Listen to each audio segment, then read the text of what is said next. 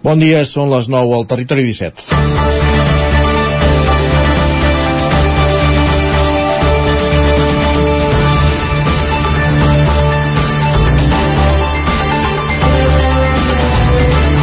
La companyia d'autocars i autobusos Segalés ha comprat l'empresa bigatana J. Comas Òlives, que a banda dels serveis discrecionals tenia la concessió de les línies interurbanes Vic-Folgueroles-Sant Julià i Vic-Folgueroles-Vilanova de Sau. Són dues línies més que s'afegeixen a la trentena llarga que ja explota Segalés a la comarca d'Osona. Encara que no ho sembli, hi ha tres companyies més que operen a la comarca. Prat, que té les línies de Vic a Taradell passant per Santa Eugènia, i Taradell-Sant Miquel de Balanyà, Rovira, amb quatre línies entre Vic i el Voltreganès i també la de Sobremunt, i Teisa, que opera entre Vic i Ripoll, Vic i Olot i l'Eixbus. Si feu una retrospectiva de 30 anys enrere, el sector del transport de viatgers ha canviat substancialment a la comarca d'Osona. Fins l'any 1997 hi havia fins i tot un ajuntament, el de Roda de Ter, que tenia una flota d'autobusos per fer els trajectes des de Roda fins a l'Esquirol, Manlleu i Vic. Aquella concessió va acabar, la va acabar adquirint després d'una compra la històrica empresa Pous de Manlleu, que si bé durant els anys 90 competia per concessions i serveis en Segalers, va acabar sent comprada per la companyia ballesana a principis del segle. Bueno, que havia comprat l'empresa de Josep Argila, que tenia la concessió de Sant Bartomeu del Grau, va ser adquirida per dues empreses més de la comarca, Verdaguer i Rovira. La primera va ser absorbida anys més tard per Segalers, que al cap de 12 mesos adquiria també Cases de Tona des de l'any 2008 que no hi ha hagut cap moviment com el que aquest inici d'any han protagonitzat com a Òlives i Segalers. Els operadors són importants, però el més important en transport públic és el servei. A les línies a menys massa crítica s'ha aplicat recentment el servei a demanda. De vegades, en lloc de fer-ho fàcil, acaba sortint més a compte organitzar-se entre privats, com fan el Cabra, amb grups de WhatsApp. Aprofitant la tecnologia, però, i com apunta l'enginyer i membre de l'oficina tècnica de l'R3, Arnau Joan, que això del transport públic ho té estudiat, es podrien convertir aquests grups privats de WhatsApp en públics per afavorir el foment del cotxe compartit.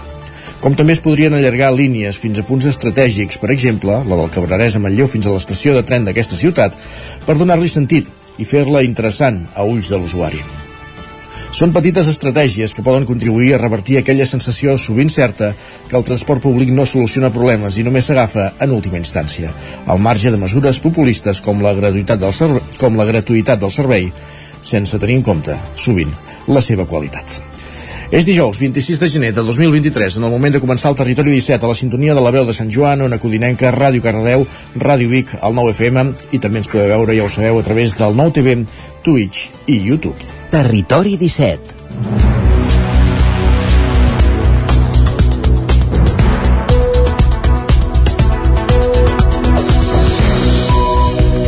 3 minuts que passen de les 9 del matí d'aquest dijous, 26 de gener de 2023, un dijous que, com el cap de setmana passat, torna a ser gèlid, amb temperatures sota zero a diferents punts de la comarca i d'Osona i d'altres punts del territori 17, també el Ripollès, i ens disposem a començar al Territori 17, el magazín que us acompanya cada matí, el magazín de les comarques del Vallès Oriental, Osona, el Ripollès i el Moianès. Què farem al llarg d'aquestes dues hores? Doncs ràpidament us ho expliquem. En aquesta primera mitja hora ens posarem al dia amb les notícies més destacades de casa nostra.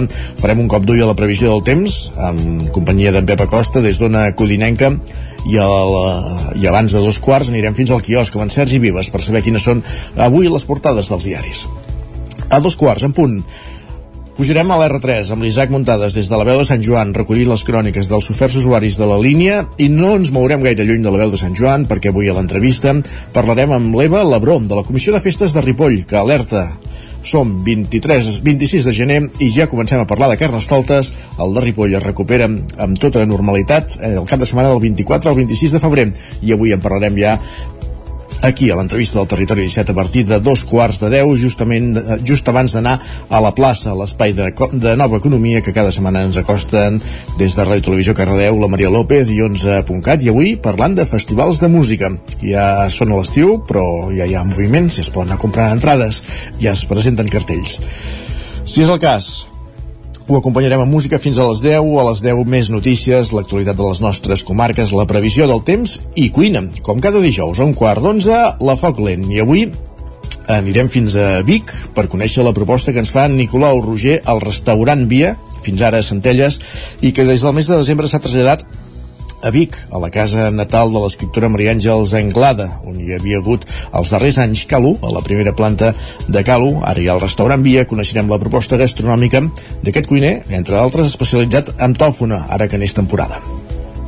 A partir de dos quarts d'onze, recta final del territori 17, ens endinsem al món de Twitter. Avui sí, semblaria que amb en Guillem Sánchez la cartellera cinematogràfica, les estrenes a les sales de casa nostra i acabarem el programa com cada dijous parlant de sèries. Aquest és el menú del Territori 17, que ara comença, que ara es posa en dansa quan passen 5 minuts i mig de les 9 del matí.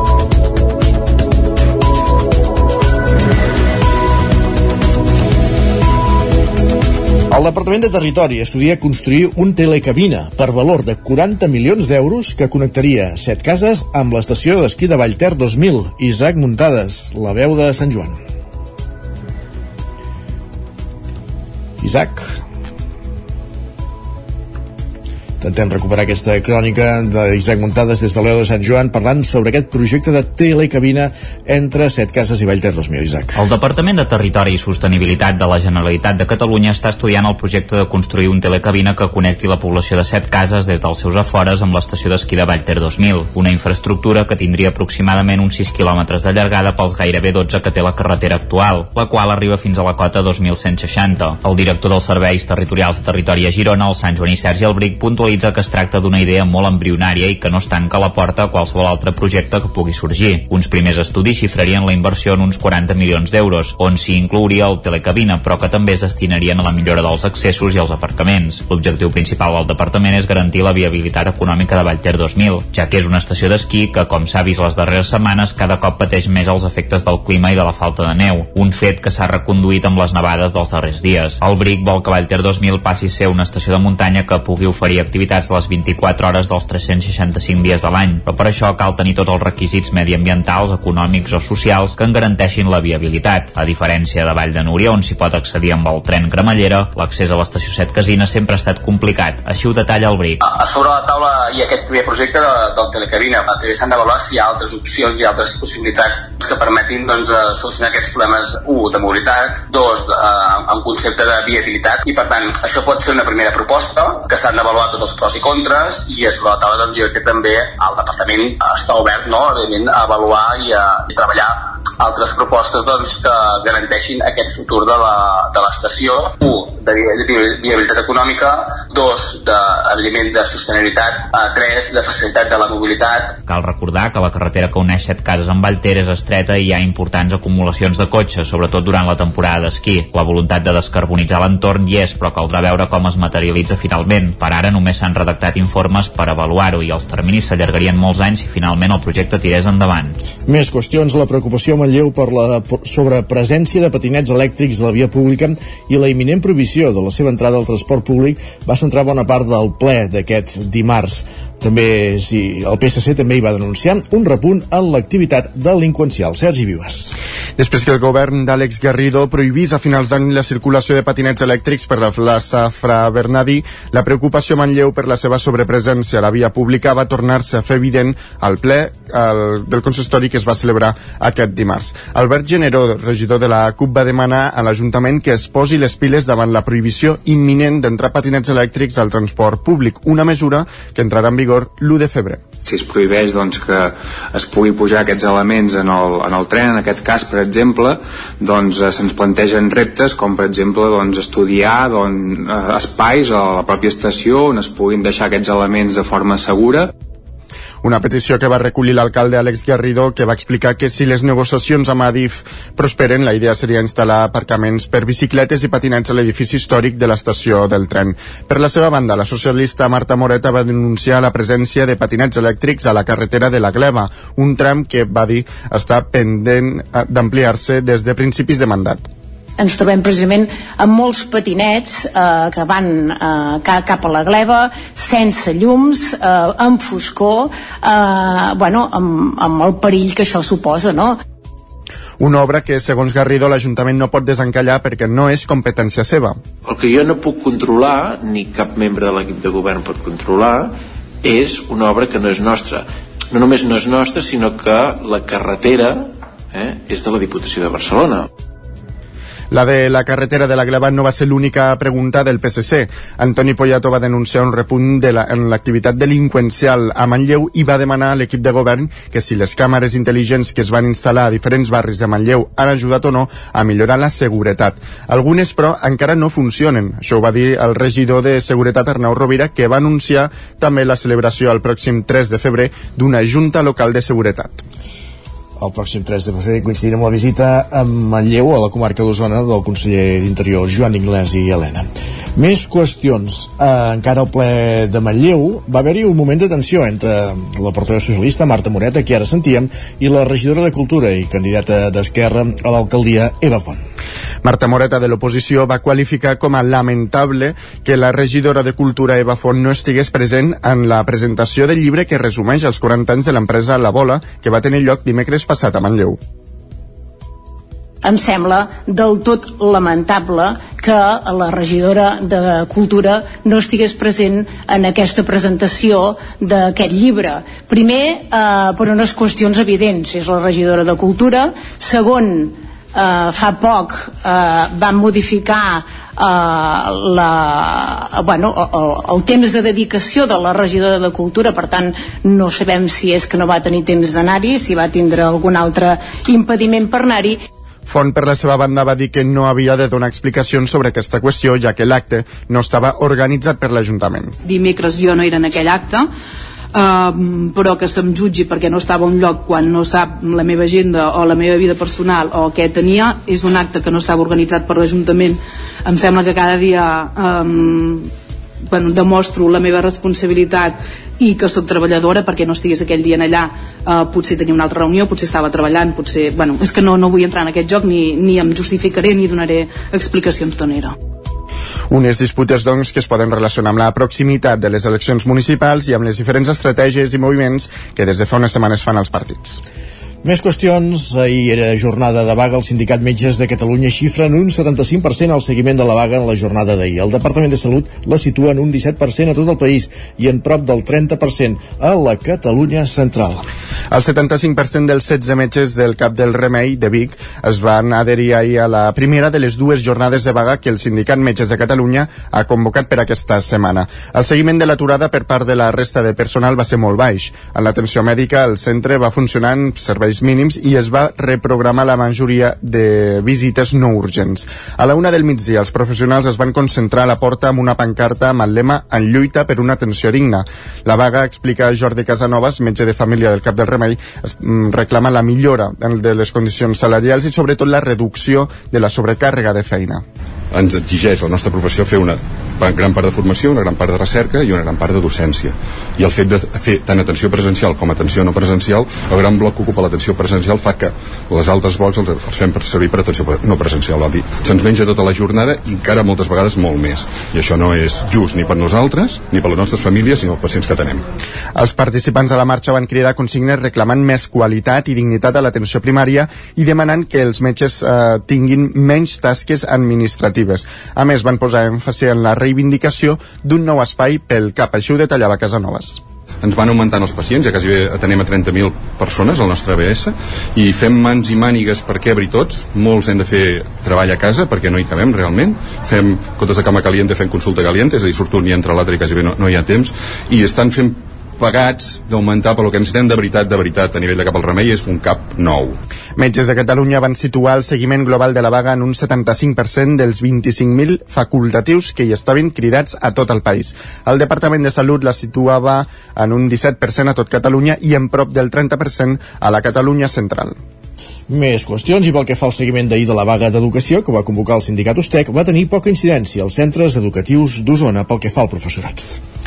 Les aules de quart d'ESO estaven buides ahir al matí a l'Institut Sirvianum de Torelló. Només 6 dels, dels 90 alumnes van assistir al centre coincidint amb la vaga d'educació convocada pel sindicat USTEC.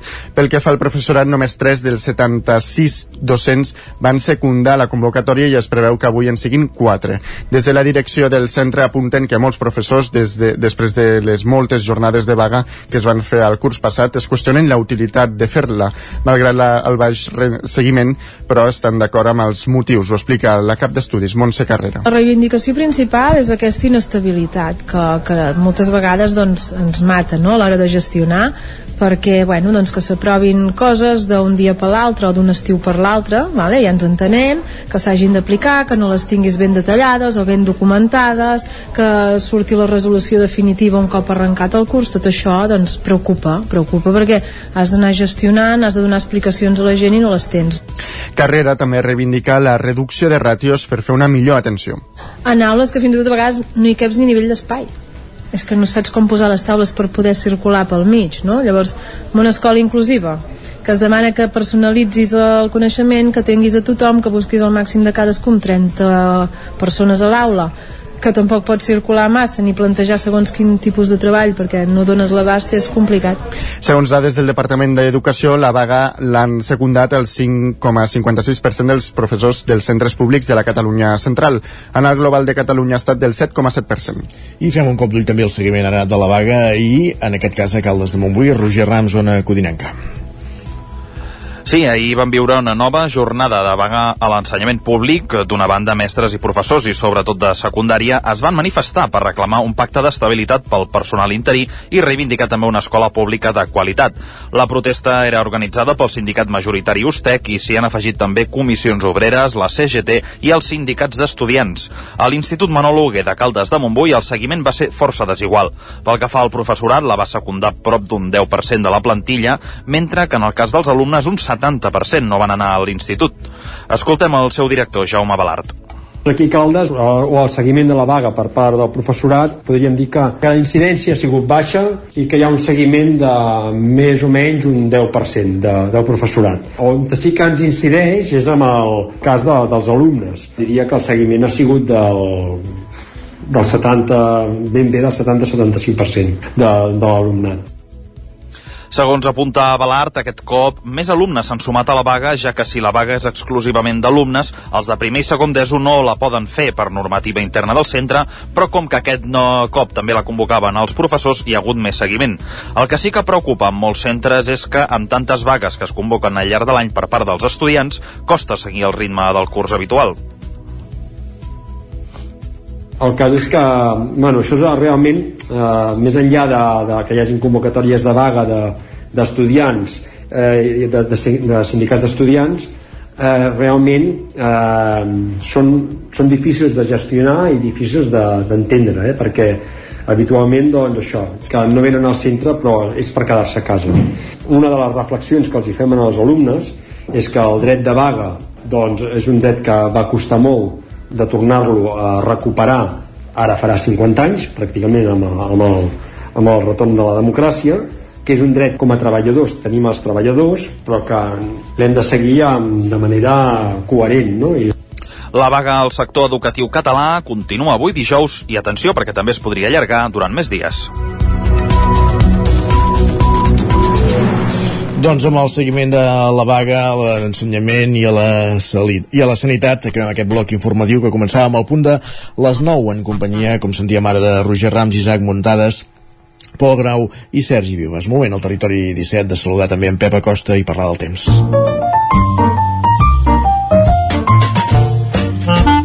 Casa Terradellos us ofereix el temps.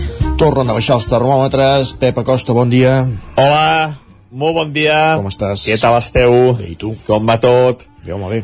Va de pressa la setmana, eh? Ja som a dijous. Passa molt de pressa. Uh, tot va de pressa, tot, tot, tot va molt de pressa. Uh, espero que estigueu tot molt bé. Doncs, torna el fred. Ha tornat el fred. Han tornat les glaçades. Uh, Déu-n'hi-do avui. Mínimes de 4, 5, 6, 7 sota 0 sobretot cap al Vallès, Mollanès, eh, eh, Ripollès, Osona, eh, vaja, eh, moltes, moltes poblacions, unes mínimes molt, molt baixes, eh, fa molts dies ja que aquest fet va durant, eh, ja fa, fa un llarg període de temps ja que no tenim una, uns dies de fred tan contundent durant tants i tants dies, aquest fet que no, no ens deixa i que de moment el tindrem ben bé a sobre. Um, L'estat del cel uh, no canvia, serà molt clar avui, uh, gairebé cap núvol, molt de sol, i uh, les temperatures al migdia, les màximes, seran una mica més baixes que les d'ahir. La majoria entre els 5 i els 10 graus de màxima. Um, prou feines superaran aquests 10 graus. Uh, ahir es van superar una mica que els 10 graus.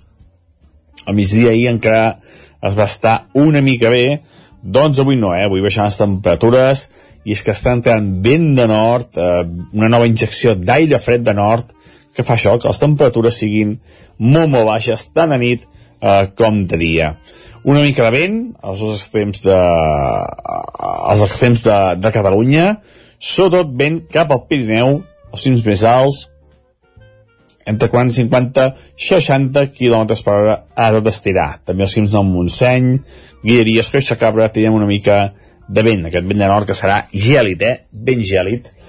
I poca cosa més destacar, eh, continua aquest ambient eh, fred, eh, assolellat, i aquesta sequera que no ens vol deixar eh, de moment eh, no es vol deixar ja continua aquesta sequera molt i molt important i això és tot a disfrutar el dia d'avui a disfrutar aquesta nova entrada de vent de nord aquesta nova entrada d'aire fred que tenim a casa nostra molt bon dia, adeu el concepte, a disfrutar d'aquesta nova entrada de vent de nord, aquesta nova entrada de vent fred. Mare de Déu, Pep, va, som-hi, bon dia. Casa Tarradellas us ha ofert aquest espai. I del temps, del fred, dels vents, els diaris. Moment d'anar al quiosc, Sergi, moment de saber quines són les portades dels diaris d'avui, per on comencem? Doncs mira, comencem pel punt avui, que encapça la portada amb el titular Clam pels serveis. Uh, diuen que milers de sanitaris i docents es mobilitzen per millorar els serveis públics, reclamen al govern revertir les retallades i recuperar condicions laborals. També expliquen que 45 piolins, entre cometes, estan a un pas del judici. Afegeixen que se'ls processa per lesions, tortura i delicte contra la integritat moral durant l'1 d'octubre. Hem de fer una esmena aquí al punt avui, eh? perquè el, piol, el piolín era aquell dibuix entranyable, aquell pollet entranyable, i, i, Clar. i ja adjudicar-li aquest nom a, a, als policies nacionals que pagaven un cop de porro l'1 d'octubre, no sé si és el més correcte. És una mica precipitat, no? Exacte. Uh, també diuen que Esquerra i el PSC no es posen d'acord per la B40 i això fa que el pressupost perilli. Expliquen que l'oposició vol que el decret de pròrroga es tramiti com a projecte llei, un fet inèdit, diuen. El periòdic encapça la portada eh, destacant el viatge al terror de Marginedas. Expliquen que l'estrena del documental Regreso a Raqqa es converteix en un homenatge als reporters de guerra. També diuen que hi ha hagut un mort i un ferit greu en un atac a dues esglésies d'Algesires. Expliquen que un home armat amb un matxet va apunyalar primer a un segristà i després va acabar amb la vida d'un rector. Uh, res, només el comentari quan feien aquest comentari sobre el reportatge dels corresponsals de guerra Sergi Marginedes, corresponsal del periòdico que va estar segrestat de fet uh, en un conflicte de bèl·lic a Síria més qüestions No, anava a dir que l'Audiència Nacional investiga aquest assalt com a possible terrorisme jihadista. Uh -huh. I també diuen que la vaga de metges doncs, es va notar sobretot al carrer. La Vanguardia destaca l'esclat de malestar de metges i docents als carrers de Catalunya. Expliquen que uns 15.000 professionals dels dos sectors es mobilitzen en una jornada de vaga que es va notar més als ambulatoris que a les aules. I com a punt esportiu expliquen que les, Blaugra les blaugranes aconsegueixen 50 victòries seguides. No sé si això el primer equip del masculí del Barça ho ha aconseguit o no. algun dia, alguna vegada Segur, no? Uh, Lara diu que el Parlament evidencia el fracàs dels pressupostos, el PSC i Junts per Catalunya constaten la distància amb el govern i certifiquen el bloqueig dels comptes. I afegeixen que l'última reunió entre republicans i socialistes pel quart cinturó acaba també sense acord. Anem cap a Madrid perquè el país diu que l'Audiència Nacional investiga com a terrorisme un atac mortal a Algesires. Ha sigut un assalt a dues esglésies que ha acabat amb un segristà i quatre ferits. També expliquen que Occident obre una nova fase de recolzament a Kiev a l'enviar tancs. També destaquen un inusual pacte d'estat i és que ahir els representants, eh, representants de PSOE i del PP van acabar amb un acord per reformar l'article 49 de la Constitució per substituir el terme disminuïts per persones amb discapacitat. Carai. Almenys es fiquen d'acord amb alguna cosa. Si no, amb això i amb anar contra Catalunya, amb això també ho pateixes. Més qüestions. L'ABC ha entrevistat a Mònica Holmeyer, presidenta de la Comissió de Control Pressupostari, diu que vindran a Espanya perquè el govern no els hi diu on estan els fons de recuperació. També expliquen que hi ha hagut un mort i tres ferits en un possible atac jihadista en dues esglésies d'Algesires. El Mundo diu que la policia vigilava el magrebí que ha atacat els religiosos d'Algesires. Per altra banda, diuen que els funcionaris gaudiran d'una pujada salarial per hora treballada de fins a de un 10%. També expliquen que investiguen si el jubilat detingut per enviar cartes explosives va ser manipulat i també destaquen que Ucraïna espera eh, 100 tancs per trencar la defensa russa. Afegeixen que estan preparant una ofensiva a la primavera que frustri l'estratègia de Putin d'allargar la guerra. I seguint amb aquest tema, eh, Espanya enviarà els Leopard tot i el desacord amb Podem. La Razón destaca la coalició global de tancs contra Rússia des d'Ucraïna. Expliquen que als Estats Units s'enviarà 31 Adams, Abrams i, es, i Alemanya 14 Leopard. Per la seva banda, Felip VI ha destacat el recolzament humanitari i militar d'Espanya a Ucraïna. També diuen que Moncloa busca salvar les expectatives electorals sense arriscar el futur de Sánchez i també destaquen el desastre empresarial, així ho qualifiquen ells, diuen que les, falli les fallides es disparen un 42% i que ha caigut la creació de les societats un 2%. Per altra banda, anuncien que la mascareta sortirà del transport públic la setmana que ve o la següent. Molt bé. Moment de repassar digitals. Doncs al d'Osona el Ripollès trobem que Còrcia Teatre presenta una jornada particular a l'Atlàntida. Molt bé, una de les notícies que trobem al 99.cat i també a l'edició del Vallès Oriental, també del 99.cat. Doncs que el futbol femení ha crescut un 70% en 4 anys a la comarca a la comarca del Vallès Oriental. Doncs moltíssimes gràcies, Sergi. A tu. El que fem ara tot seguit és una petita pausa al territori 17, 3 minuts, i de seguida eh, continuem amb la resta de continguts previstos per aquest matí gèlid de dijous 26 de gener de 2023. Tot seguit és moment de pujar al tren després de la pausa i anem a l'entrevista per la, a parlar ja del Carnaval de Ripoll. Fins ara mateix. El nou FM, el nou FM, el. Al forn de pa i pastisseria Glina hi trobareu una gran varietat de pans de producció pròpia amb farina de blat i de molts altres tipus, tots elaborats al nostre obrador. També us oferim tortells, braços de gitano, coques, brioixeria i pastes seques i pastissos personalitzats. I ara també ens trobareu al Mercat Municipal de Torelló. Forn de Pa i Pastisseria Glina, carrer Major número 9 de Sant Vicenç de Torelló i Mercat Municipal de Torelló. No t'ho creuràs, m'ha trucat el servei tècnic oficial de Saunier Duval perquè han detectat a distància que li falta aigua a la caldera. Era a casa i no me n'havia adonat. I què has fet? Res, perquè el meu servei de manteniment Mi Saunier Duval Connect m'ha donat una solució en qüestió de minuts. Informeu-vos a connectivitat.saunierduval.es. Saunier Duval, sempre al seu costat. Has esperat que arribi el fred per comprovar si et funciona bé la caldera? No pateixis, a Casa Jové som especialistes en manteniment, reparació i revisió d'equips d'aigua calenta i calefacció, tant en l'ambient domèstic com industrial. Si tens una avaria, no ho dubtis. Som Casa Jové. Ens trobaràs al carrer Girona, número 9 de Vic i al telèfon 93 886 1596. Casa Jové, el teu servei tècnic de confiança. Bon dia, són les 9 al Territori 17. Hola, Miquel Parella. Cada matí i durant dues hores t'acompanyem i et posem al dia de l'actualitat de casa nostra. Potenciant així l'autonomia En aquest cas me la peça el teler si no... Cursos per feminitzar el pensament masculí. Territori 17, el magazín matinal d'Osona, el Moianès, el Ripollès i el Vallès Oriental. Que la meva àvia de 93 el anys... 9 FM, el 9 TV, el 99.cat i també els nostres canals de Twitch i, I YouTube. demà per fer-se un tatuatge. Cada matí, Territori 17. Ole. Cocodril Club. Si t'agrada la bona música dels anys 60, 70 i 80, escolta el 9 FM als matins de dissabtes i diumenges d'11 a 1. És el temps del Cocodril Club, tot un clàssic de la ràdio, amb les bases del pop-rock, les llegendes, les cançons que s'han convertit en autèntics himnes. Recorda, dissabtes i diumenges al matí, d'11 a 1, al 9 FM 92.8. Cocodril Club, el programa revival de l'Albert Malla. Hasta luego, cocodrilo. Anuncia't al 9FM. La màquina de casa. 9 3 8 8 9 4 9 4 9. Publicitat arroba al 9fm.cat. Anuncia't al 9FM. La publicitat més eficaç. Bon dia, són les 9 al Territori 17. Va, Miquel Parella. Cada matí i durant dues hores t'acompanyem i et posem al dia de l'actualitat de casa nostra. Potenciant així l'autonomia aquest cas me la peça el taler si no... Cursos per feminitzar el pensament masculí. Territori 17, el magazín matinal d'Osona, el Moianès, el Ripollès i el Vallès Que Oriental. la meva àvia de 93 El anys... 9 FM, el 9 TV, el 99.cat i també els nostres canals de Twitch i i YouTube. demà per fer-se un tatuatge. Cada matí, Territori 17. Territori 17.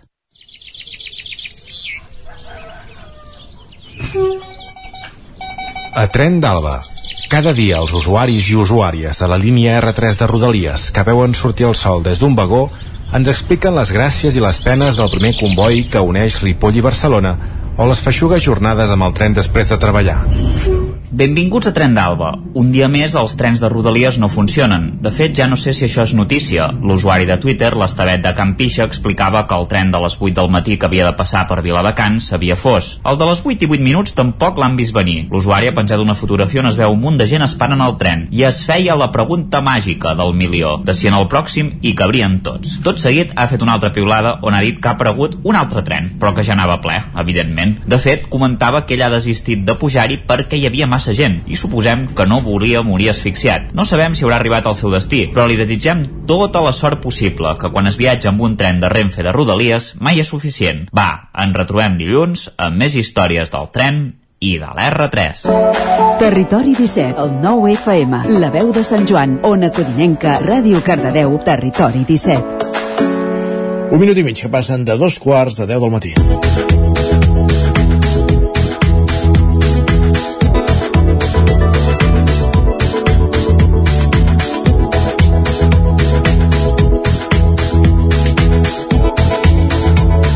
Aquest any, el 2023, Ripoll tornarà a celebrar el Carnestoltes el mes de febrer, concretament el cap de setmana del 24 al 26, després de dues edicions diferents. El 2021 la festa es va celebrar en un format d'exposició i l'any passat es va traslladar al mes de maig i va ser més estiuenc. El problema és que aquests dos anys han fet que costi més trobar colles que vulguin participar-hi i des de la Comissió de Festes de Ripoll s'ha fet una crida a través d'Instagram per buscar persones interessades. Isaac Muntades, la veu de Sant Joan, bon dia. Bon dia, Isaac. Doncs sí, i avui tenim amb nosaltres a l'Eva Labró, de la Comissió de Festes de Ripoll, per explicar-nos com viuen aquesta situació i com es presenta el Carnestoltes a menys d'un mes de celebrar-se. Bon dia, Eva, i moltes gràcies per ser avui al Territori 17 amb nosaltres. Hola, bon dia i moltes gràcies per comptar amb nosaltres. Uh, per començar, Eva, heu fet aquesta crida per demanar doncs, que més colles s'uneixin a la rua de Carnestoltes. No sé què ha passat aquest any, si heu notat que hi ha hagut uh, una mica de davallada de colles que, que sempre hi solien participar i que aquest any potser doncs, per unes circumstàncies o unes altres no, no ho han fet. No sé quins són els motius que us han donat, com, com us ha arribat aquest crit d'alerta. La veritat és que aquesta crida la fem cada any, és una crida per poder també cridar a les noves colles, a, a, a que la gent pugui venir a formar-ne part, a ser més gent, no? perquè sempre diem que més gent serem, més gaudirem. Sí que és veritat que bueno, amb, hi ha bueno, alguna cosa que aquest any no participarà, no en parlarem més endavant, però eh, la veritat és que no ha per un motiu molt clau, sí que és això, més que res per al fet d'aquest de, de dir endavant, que la gent vingui, perquè molta gent sí que és veritat que també hem sentit, no? que volem participar però no ho sabem, doncs mira, fem això, fem una petita reunió, el que sigui, fem una crida i així els acabem d'animar perquè formin part i, i puguem ser més gent no, en aquest dia. Uh -huh. Perquè entre carrosses i comparses, quantes n'hi solen participar? Uh, el, el, carna, el Mira. Carnestoltes de Ripoll, en xifres, sí. Aquest any, demà en principi tanquem les inscripcions, vull dir que encara hi ha gent que té marge fins demà per poder-ho fer, però ara per ara som 11, mm. vale? fins fa uns dies, o sigui, en aquesta última setmana s'han apuntat dos més, o sigui que serem, de veritat, quantitat, serem gent al carrer, o sigui que dintre de tot la crida crec que ha estat positiva i, i la gent s'ha acabat animant per poder venir a participar al Carnestoltes de Ripoll.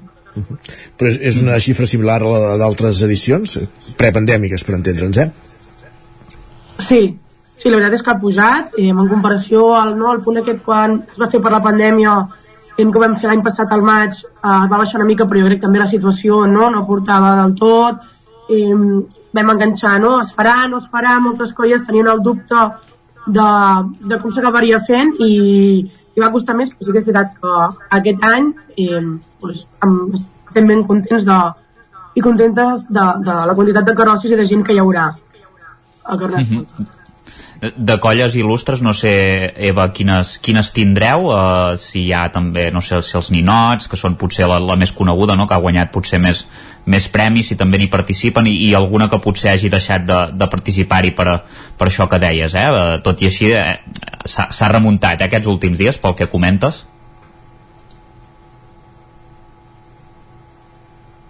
Sí, la veritat, um, hi haurà dos, dos carrosses que cada any participen, que aquest any hi seran, que són tant els del MAP com els del Maldo. Eh, ben bé, tampoc no ens han dit el per què i benvingut sigui, són carrosses que a vegades per potser s'hi deixen, no?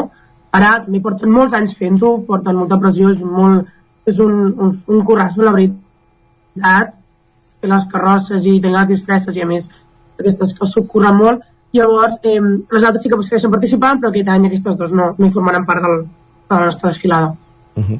I els nens de Sant Eudal, que podríem dir que eren els reis de la Rua Golfa, en principi eh, havien anunciat que plegaven i seran?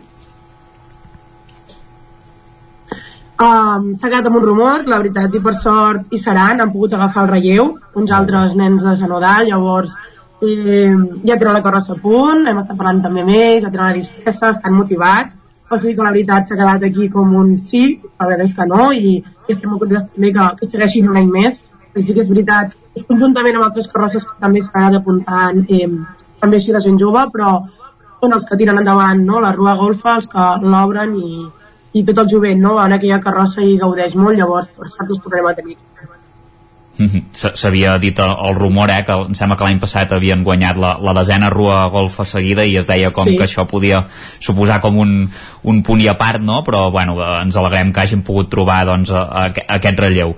Uh, L'organització del Carnestoltes, Eva, és, és complicada, no? No sé des de quan s'hi comença a treballar. Què us toca fer eh, des de la Comi?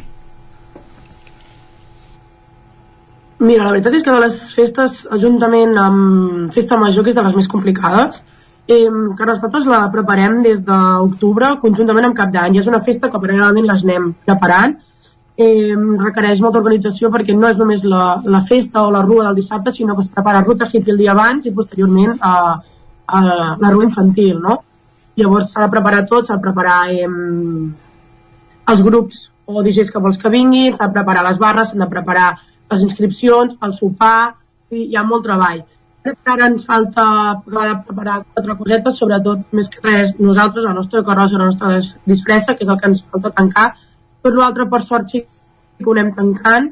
El bo de la comissió de festes que tenim aquest any és que eh, anem tots a una, llavors això permet doncs, no, més facili facilita més les coses, cadascú s'encarrega d'una coseta i anem fent, perquè no tots som al poble, tots la majoria estem doncs, fora estudiant, no, treballant, i llavors això sí que realment no, perjudica una mica a l'hora de, del funcionament, però bueno, dintre de tot està quasi tot tancat, falten tancar quatre cosetes, però, però és això. Com que comencem d'hora, després no et piques els dits, perquè si no, sí que és una festa que al final se t'acaba, no? Uh -huh. T'acabes trobant que se't menja el temps, se n'acaba el temps. I s'han inter... eh, abans parlaves de que, hi ha, que demà s'acaba el termini d'inscripció, que hi ha 11 colles ja inscrites. Grups de fora de Ripoll s'interessen a venir a participar-hi? Mira, aquest any eh, eh, es va posar en contacte Olot amb nosaltres. Uh -huh. L'únic problema és que eh, coincideix amb el seu Carnestoltes, llavors no podran venir. Des de Torelló també ens van fer arribar, però eh, el problema és que no els hi sortia a compte el tema de portar la carrossa. Eh, requereix molta gasolina, requereix molt temps i bé, per, com els hi plantejàvem la situació i tot, van dir que al final res. I el que sí que any participarà és una carrossa inèdita de Sant Joan de les Abadeses, Molt bé. que és la que podem tenir que és de, aquest any de, que és de fora. Les altres són de, són de Ripoll. Mhm. Com funciona la rua aquell dia, Eva? No sé, em sembla que sempre hi ha un jurat, no? Es fa com una espècie de, de lloc que es para perquè el jurat avaluï. Com, com es puntuarà? Quin, quin serà el recorregut? Mira, es sortirà des de des del Pla de la Devesa, vale? que és d'on surt cada any, i el recorregut es farà, és, és el de sempre. Vale? És entre Barcelona, eh, Passeig Regull, Passeig Sant Joan, Pont d'Olot, plaça de, de l'Ajuntament i tornar. El jurat el que fa és, a partir de les 5 que es planten les carrosses de la Devesa, eh, comencen a avaluar. Vale? Miren, miren la disfressa, miren la carrossa, el ball, l'originalitat i la posada en escena. L'única cosa és que per cada grup es, es es valora d'una forma diferent, vale? ja que pues, les carrosses sí que es valorarà la, barra, la crossa, però hi ha comparses que no porten no? cap remolc ni res, llavors es valorarà més doncs, la disfressa o el que sigui. Llavors van valorant així, un tant per cent, que ells tenen 30 punts per això, 40 per això, i ells mateixos i ells mateixes ho, va, ho, van, ho van valorant. Uh -huh. vale? Llavors, sí que és veritat que ho valoren durant tot el camí fins que arriben davant del Joan Maragall, que és on es fa el ball.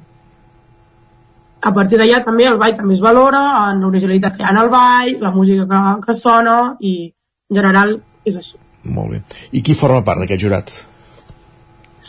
Uh, aquest any encara l'estem acabant de tancar, és una cosa que queda una mica pendent. Eh, tinc un meu company i una companya que ho estan organitzant, llavors quedarà una mica sorpresa. Llavors es veurà de cara al dia de Carnestoltes, qui vulgui saber haurà de venir i així ho sabrà. Per- perquè hi haurà algú il·lustre sense dins de noms, eh? Vull dir, que s'està parlant de que pugui venir algú així famós o algú il·lustre, Està no, no sé. El problema que tenim moltes vegades aquests dies és la disponibilitat, no? perquè coincideix amb altres carnavals, llavors depèn, hi ha alguns que sí que no. s'està intentant, s'està movent.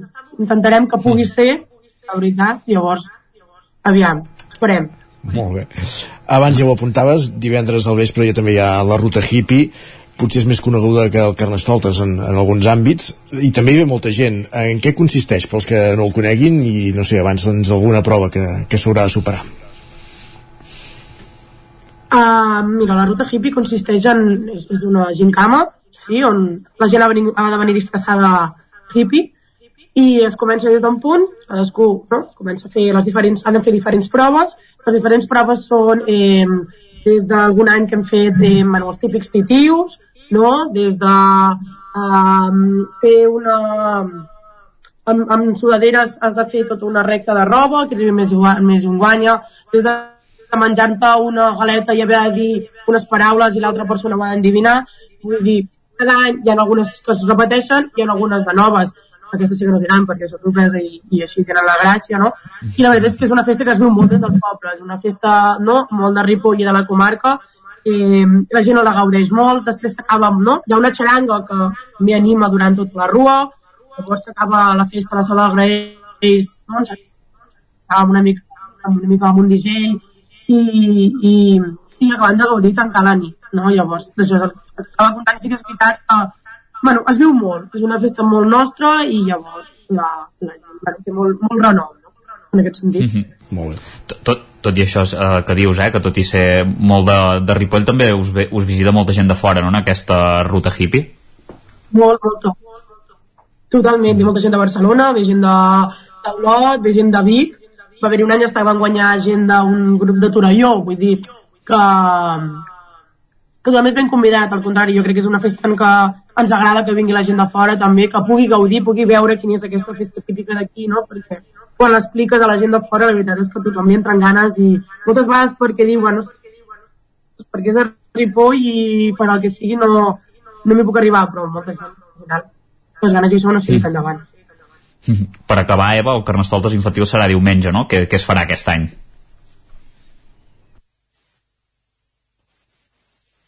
Uh, Carnestoltes infantil es sortirà, com sempre, des de l'Ajuntament fins, a, fins al pavelló i el que es farà és un grup de música per infants.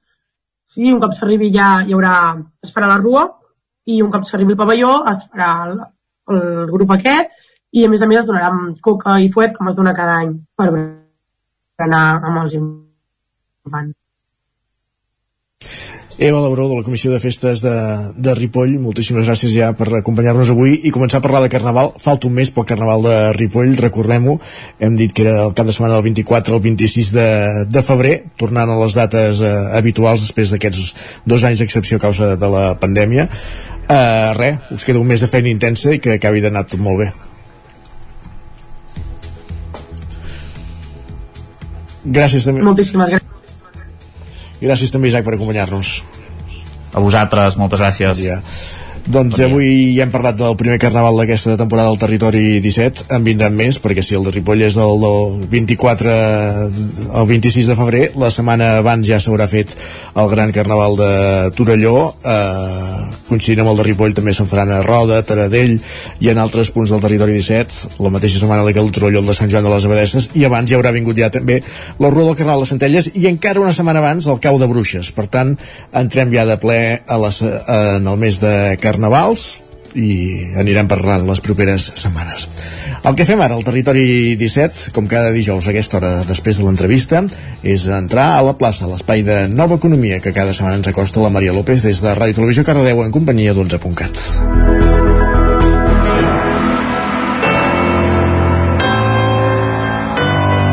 Territori, Territori 17. 17. Territori 17.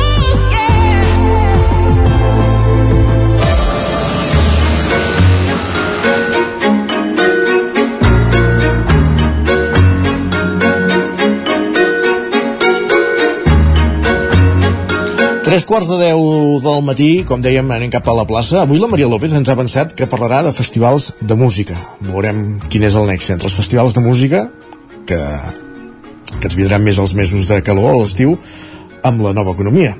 Maria, una setmana més, benvinguda, bon dia. Bon dia i benvinguts un dijous més aquí a la plaça. Aquest punt de trobada per parlar de nova economia, però en un idioma de carrer, i aterrar aquests nous conceptes econòmics i fer-los comprensibles per tothom. I avui, dins del món de l'economia, volem parlar d'un negoci que podem dir que està en creixement any rere any. Tot i que encara ens queda una mica per començar la temporada, avui volem parlar dels festivals de música.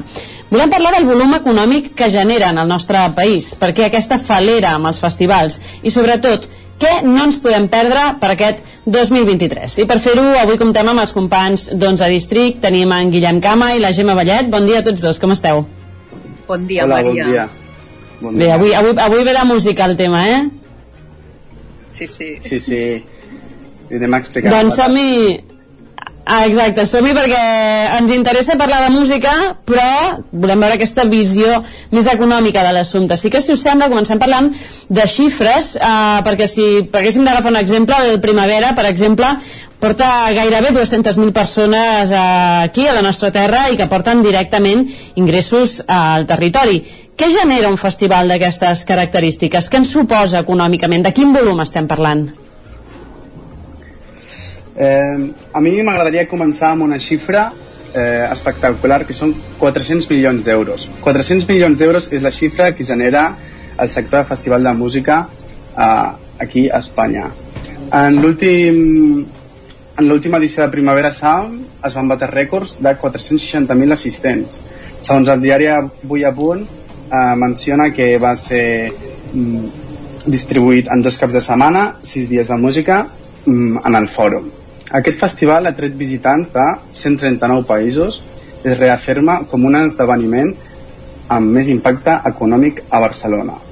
Aquesta edició també ha aixecat controvèrsies, ja que han hi hagut diventors entre festival i ajuntament. Han estat const una constant durant els mesos previs.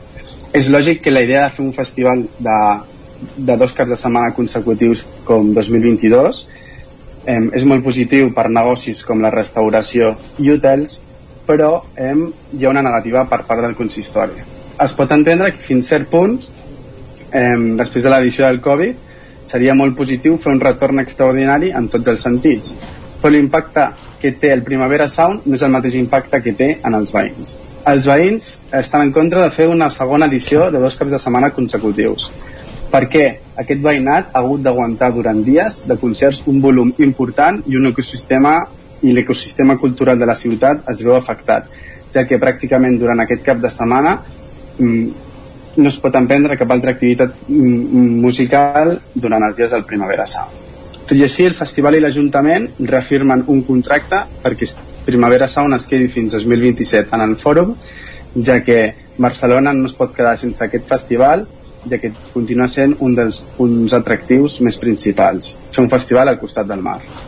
Clar, és que estem parlant d'alguna manera d'un festival, no és el mateix que qui organitza un mobile wall, no? que suposo que et ve moltíssima gent, però queden allà raconadets i a la seva hora eh, se'n van cap a l'hotel, que organitza un festival de música que, com bé deia, suposo que als veïns no els he de fer cap gràcia a haver de viure doncs, fins a certes hores i tal, i a més amb tot el que comporta no? un, un festival a nivell de, de festa, de moviment eh, suposo que no és el mateix tipus d'activitat, no? aquesta d'oci que l'altra.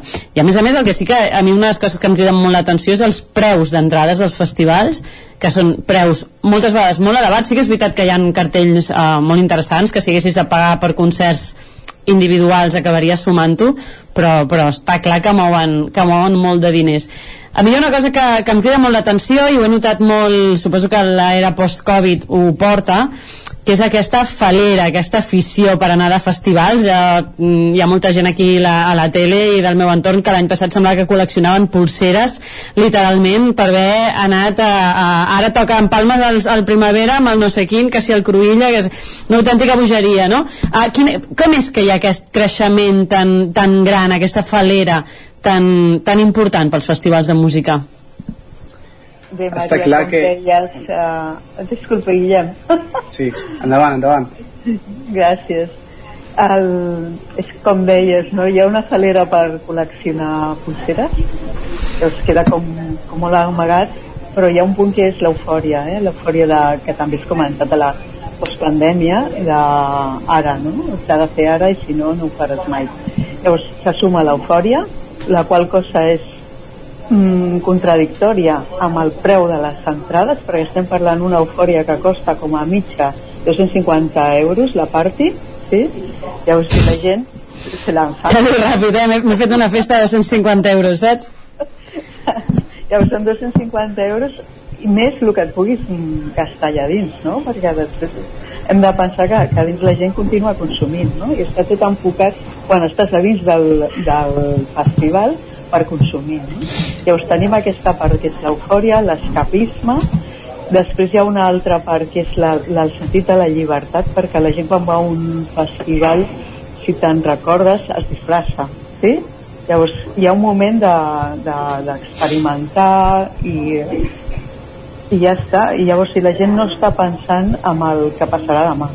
Llavors és un efecte que s'ha eh, contagiat amb, de, amb una comunitat molt alta, perquè estem parlant que si el Primavera Sound porta 190.000, el després el Sonar porta 120.000 en molt poc de temps, llavors el que et sorprèn aquí és que en qüestió de més d'un menys més hi ha gent que salta el primavera al Sonar i sigue, m'entens? O sigui, Sí, sí, sí. el ruta o als pobles o on, on estiueixa, etc. Llavors, potser estem parlant que com a mitja eh, un consumidor s'està deixant en festivals entre la part baixa 400 euros i la part alta i ens anem a 1.000 o per sobre si venen del nord d'Europa perquè hi ha molta gent del nord d'Europa que aposta per la, per la festa d'aquí. Que és una forma de turisme, quasi, no? Podríem dir?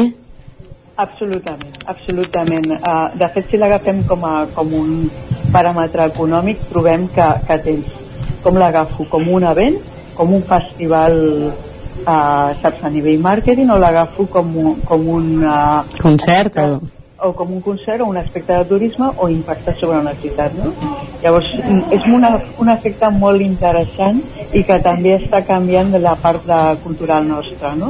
que és aquesta part que molts filòsofs estan dient o, o pensadors de d'economia i sociologia que et diuen que què és un festival, no? que forma part d'aquesta cultura que es comercialitza, no? que es torna molt pop i molt, i molt enfocada al consum.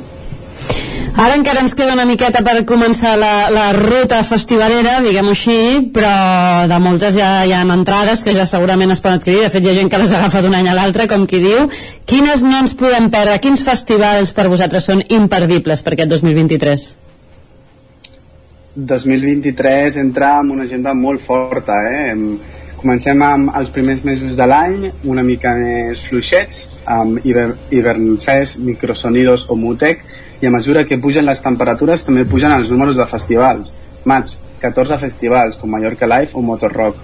Juny, 40, Sonar, Resurrection, Primavera Sound o Desalia. La joia de la Corena se l'emporta el juliol, amb 51 festivals per escollir.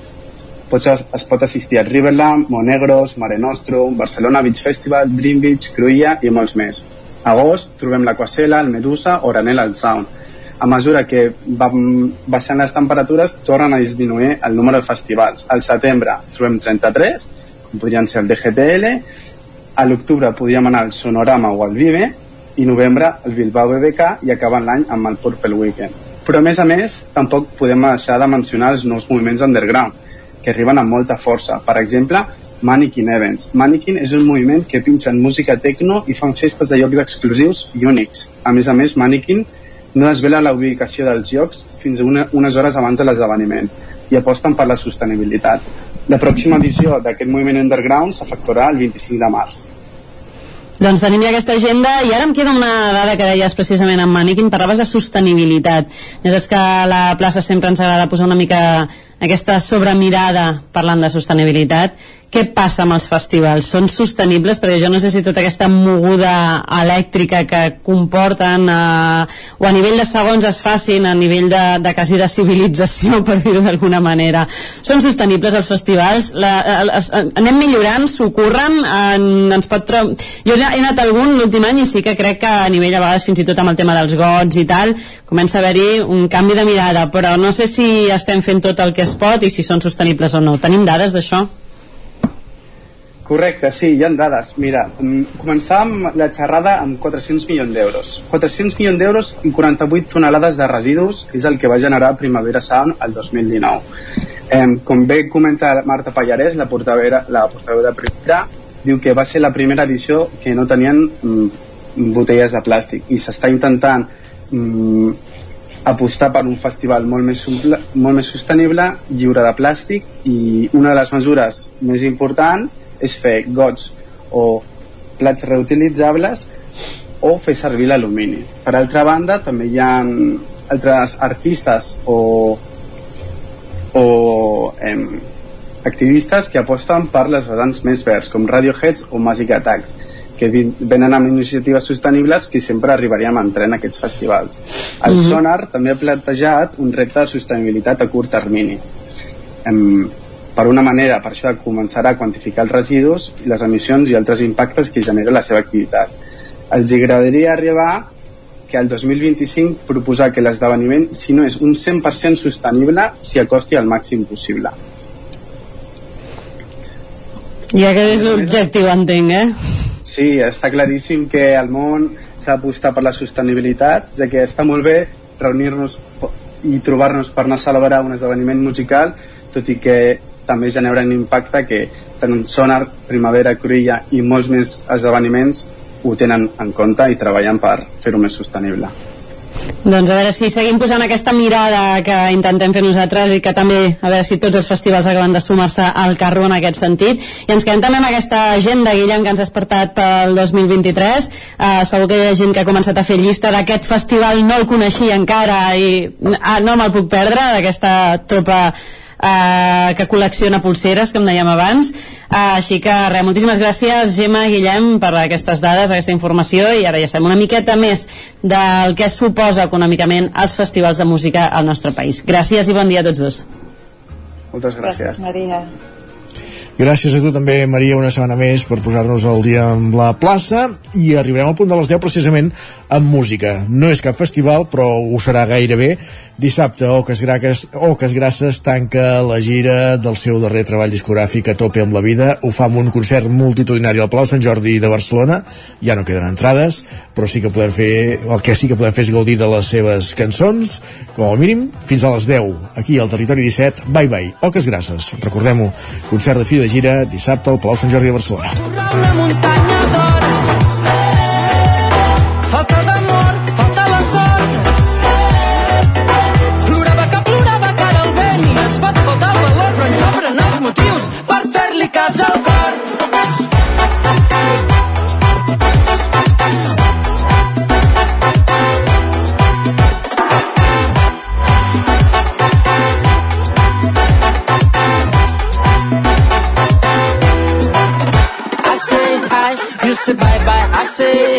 You say na na, I say hi. You say bye bye, I say hey. Tell me what do you want? Money, money, money, money, money. Money, money, money, money, money. Money, money. You say bye bye.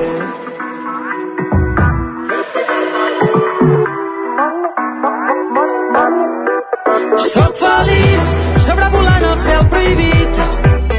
Sobrevius com una estela amb un desig pel bon camí. Hi ha una moneda amb dues creus, hi ha una por que m'agafa els peus. No es pot tornar a viure el que he vist. You say bye bye, I say hi. You say bye bye, I say hi. You say no.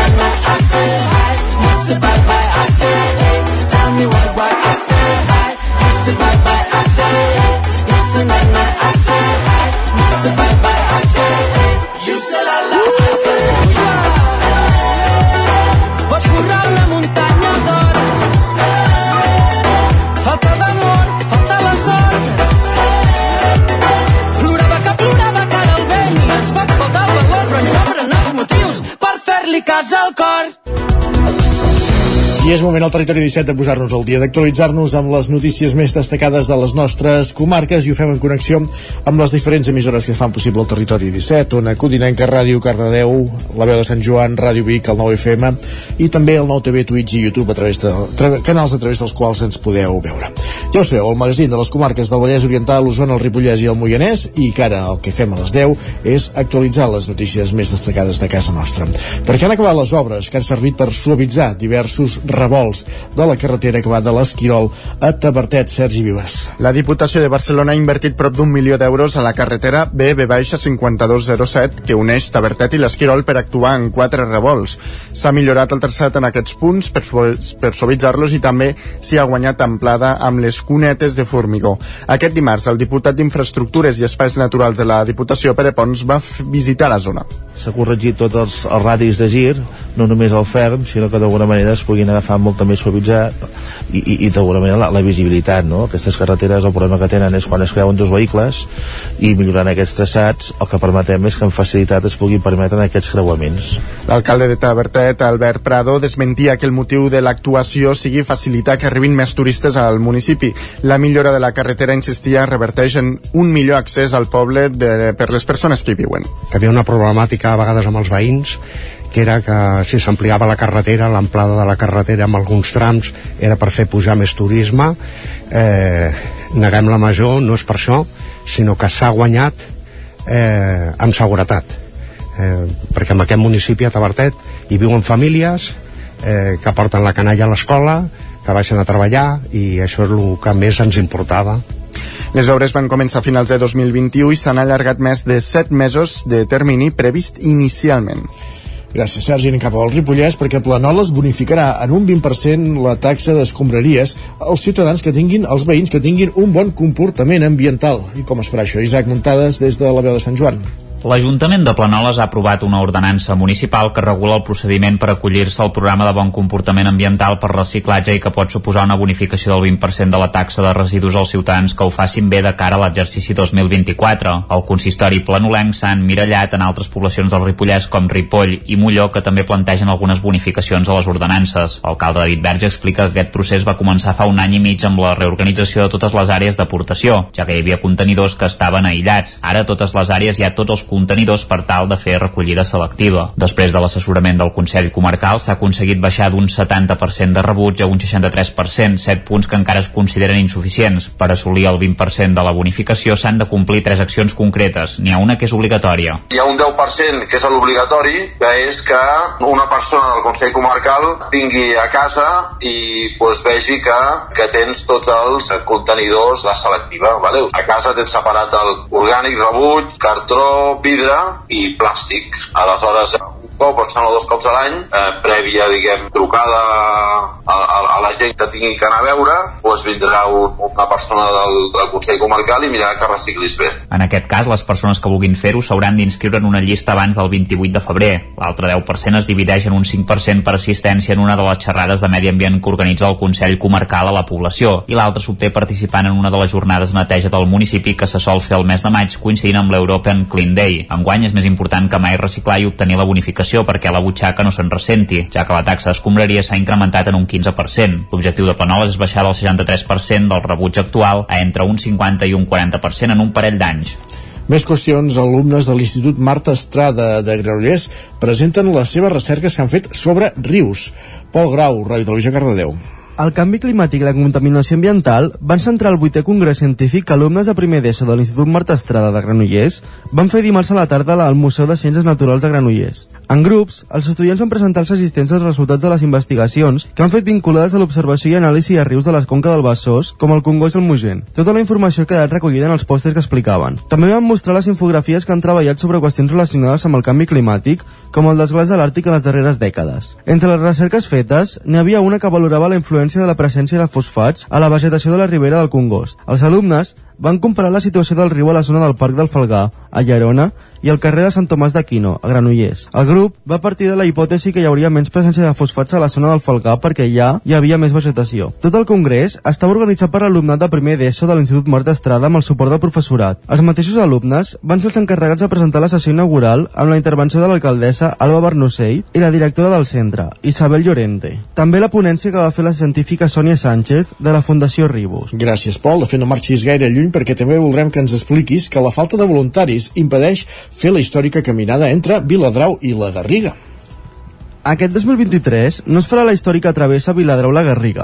El centre excursionista garriguenc no ha trobat relleu en el voluntariat que assumia l'organització de la caminada. En els darrers anys havia estat liderat per Alfons Gota Negra, que amb la celebració del 50 aniversari de la travessa que es va fer el 2022 ja va anunciar que deixava l'organització. Si bé s'han fet demandes per portar el timó de la travessa, no hi ha hagut sort i no s'ha pogut establir un relleu. Realitzar una travessa suposa molts mesos de feina, molts voluntaris i molta gent que dedica el seu temps generosament a fer-lo possible. Com tota activitat, hi ha d'haver un equip de persones al davant o un cap que delegui, organitzi i que sigui capaç de tirar endavant tot el projecte amb l'ajuda d'un bon equip. Admeten des de la Junta del SEC en un comunicat. També s'ha reduït el nombre de persones que hi ha a la Junta del SEC que no té capacitat de muntar la caminata. L'any passat la van fer unes 650 persones, però havia arribat a plegar-ne un miler. L'anunci que no hi haurà caminata entre Viladrau i la Garriga ha generat comentaris de persones a qui sap greu que es perdi. L'entitat no tira la tovallola i obre la porta a recuperar la travessa l'any 2024 o més endavant si hi ha persones que se'n responsabilitzin. Si surt algú que s'hi vulgui enganxar, la Junta hi serà ja, afirma el Centre d'Excursionistes Garriguenc.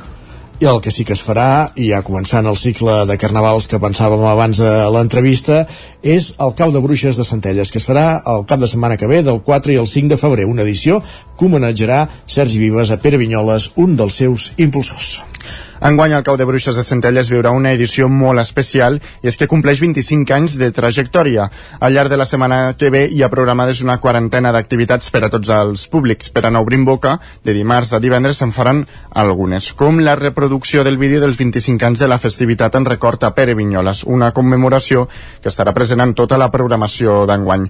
Joan Pagès, membre de Pierrot Teatre, recordava com va sorgir la idea d'aquesta festivitat. Jo recordo, recordo amb il·lusió ja de fa 25 anys quan en Pere Vinyoles ens va dir hauríem de fer una història i el que és sorprenent és que ja li vaig dir i farem un cau de bruixes o sigui no va parlar ni de reunió ni de congregació ni de res de bruixes. Ja hi va donar el nom de cau de bruixes. El plat fort serà dissabte 4 un dia en què es farà la proclamació de la bruixa de l'any honor que es dona a una dona de la població per la seva tasca cultural, social o associativa envers el poble. Una de les novetats d'aquest any és el retorn de la Pairona, un passatge interactiu de Mil Notes Produccions, un espectacle per a tots els públics, d'uns 30 minuts de duració amb 25 actors i actrius, on cal interactuar per retornar a la Pairona.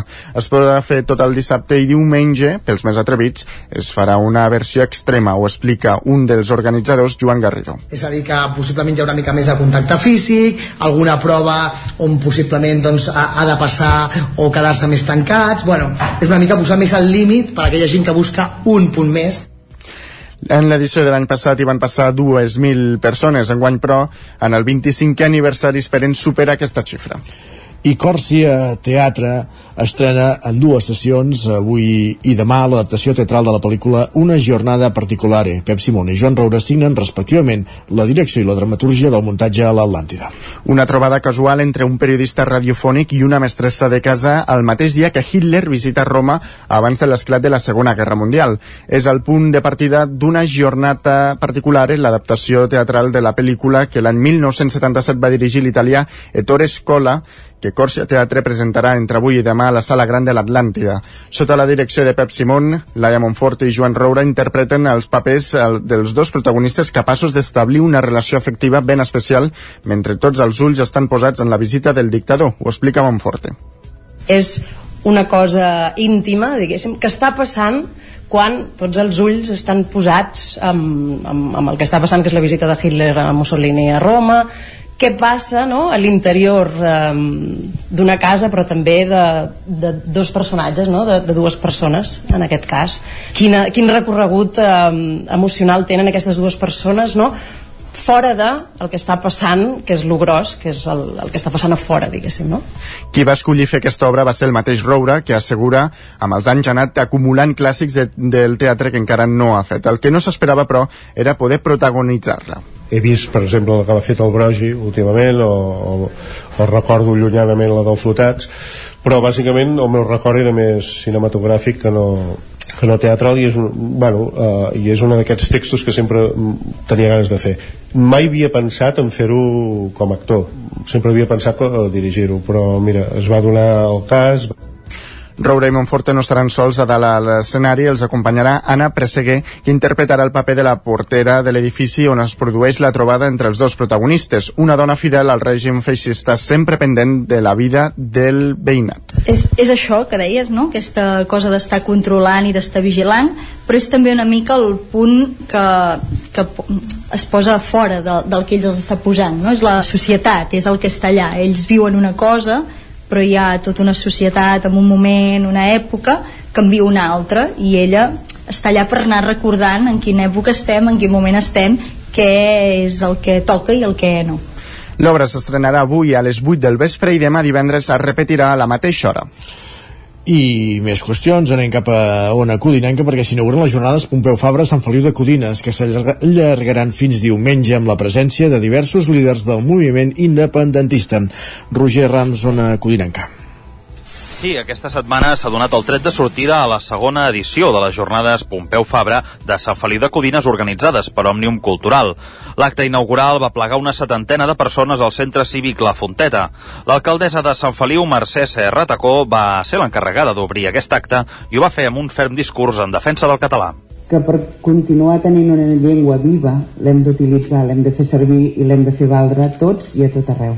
Malauradament, durant uns quants anys ens han fet creure que si alguns se'ns dirigia en castellà per educació havíem de contestar ràpidament en castellà i crec que amb això ens hem equivocat molt. El primer que hem de fer és posar en valor nosaltres mateixos la nostra llengua. L'altra cosa és de que malauradament encara hi ha gent que es pensa que, que per què ens hem emparrat parlar català si és més fàcil no parlar-ho i així ens entenem amb tothom a la primera. Jo sempre responc que, que el problema que tinc molt greu és de que quan penso, penso en català també hi van intervenir Marcel Orente, membre de la secció filològica de l'Institut d'Estudis Catalans, que va fer un repàs a la tasca que aquesta institució fa per cuidar la llengua i com continuen el llegat que va deixar Fabra.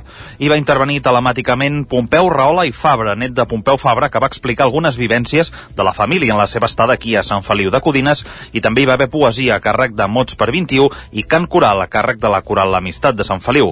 Una de les intervencions més esperades, però, va ser la del conseller de Cultura a l'exili Lluís Puig, que en un vídeo enregistrat llançava aquest missatge. Avui comença un mes llarg d'activitats que després de Sant Feliu arribaran a Prada, de Conflent, al Tossal del Rei, bé passareu per Montserrat i per Mataró per acabar a finals de mes de febrer. Per tant, un mes d'homenatge i de recordatori i de reactivar aquesta llengua catalana que el Pompeu Fabra tant i tant i tant esforços hi va dedicar. I més vinculat a aquestes jornades per l'ocasió de la flama de la llengua catalana que ja fa més de 50 anys que se celebra L'acte es va tancar amb la inauguració de l'exposició Pompeu Fabra Prada de Conflent, que es pot visitar aquests dies al centre cívic fins diumenge. A més, durant el cap de setmana hi haurà taules rodones sobre repressió i llengua amb la presència d'Antonio Baños, Josep Costa, Joan Lluís Lluís i Màrius Serra. Dissabte al vespre hi intervindrà telemàticament el president Carles Puigdemont. Moltíssimes gràcies, Roger, per aquesta última hora sobre aquesta jornada de Pompeu Fabra que es fan a Sant Feliu de Codines, que s'han inaugurat i el que fem al territori 17 és acabat aquest bloc informatiu que han fet en companyia de Roger Rams, Isaac Montada, Sergi Vives i Pol Grau anar cap a la previsió del temps.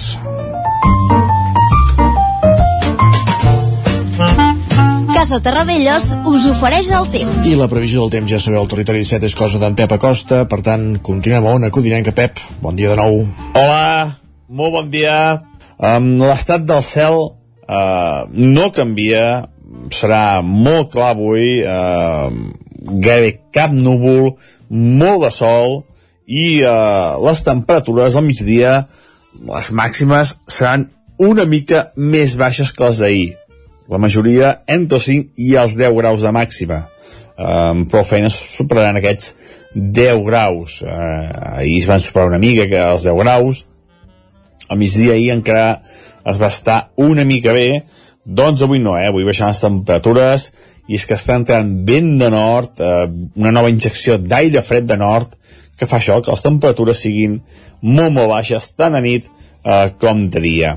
Una mica de vent als dos extrems de, als extrems de, de Catalunya, sobretot vent cap al Pirineu, els cims més alts, entre 40 i 50, 60 km per hora a tot estirar. També els cims del Montseny, Guilleries, Coixa Cabra, tenim una mica de vent, aquest vent de nord que serà gèlid, eh? Ben gèlid.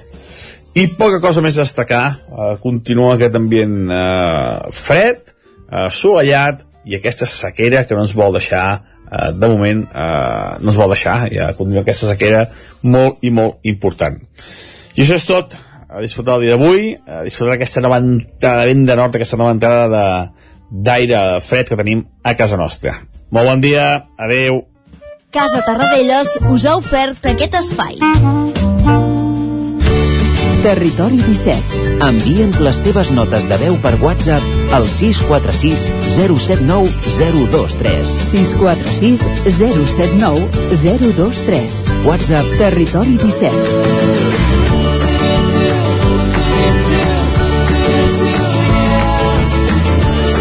Territori 17. Som a Facebook, Twitter i Instagram amb l'usuari Territori 17.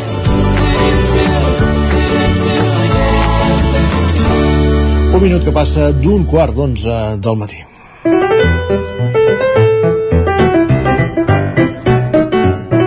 I el que fem tot seguit al territori 17 és parlar de cuina com fem cada dijous a aquesta hora a la Foc Lent. Avui en companyia de Nicolau Roger del restaurant Via. Fins ara haguéssim dit el restaurant Via de Centelles, però des de principis de desembre podem parlar del restaurant Via de Vic perquè ha traslladat aquesta proposta gastronòmica al carrer de la Riera de Vic, a la primera planta del que havia sigut Calú, i on trobem aquesta proposta, com dèiem, de, de Nicolau Roger del restaurant Via. Nicolau, benvingut, bon dia.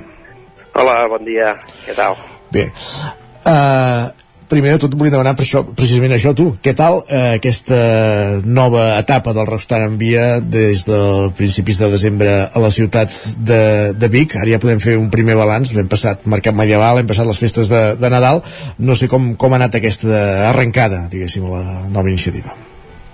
Bueno, doncs molt bé, molt contents d'estar aquí a, a Vic i sobretot d'haver trobat un, un local tan espectacular com és aquí a la Casa Foc Coberta, a la Sala Noble, uh -huh. i, i bueno, eh, de moment podem valorar molt positivament la nostra arribada a Vic, eh, hem tingut bastanta feina i tenim una proposta gastronòmica molt xula que sembla que la gent d'aquí l'està acceptant molt bé. -huh.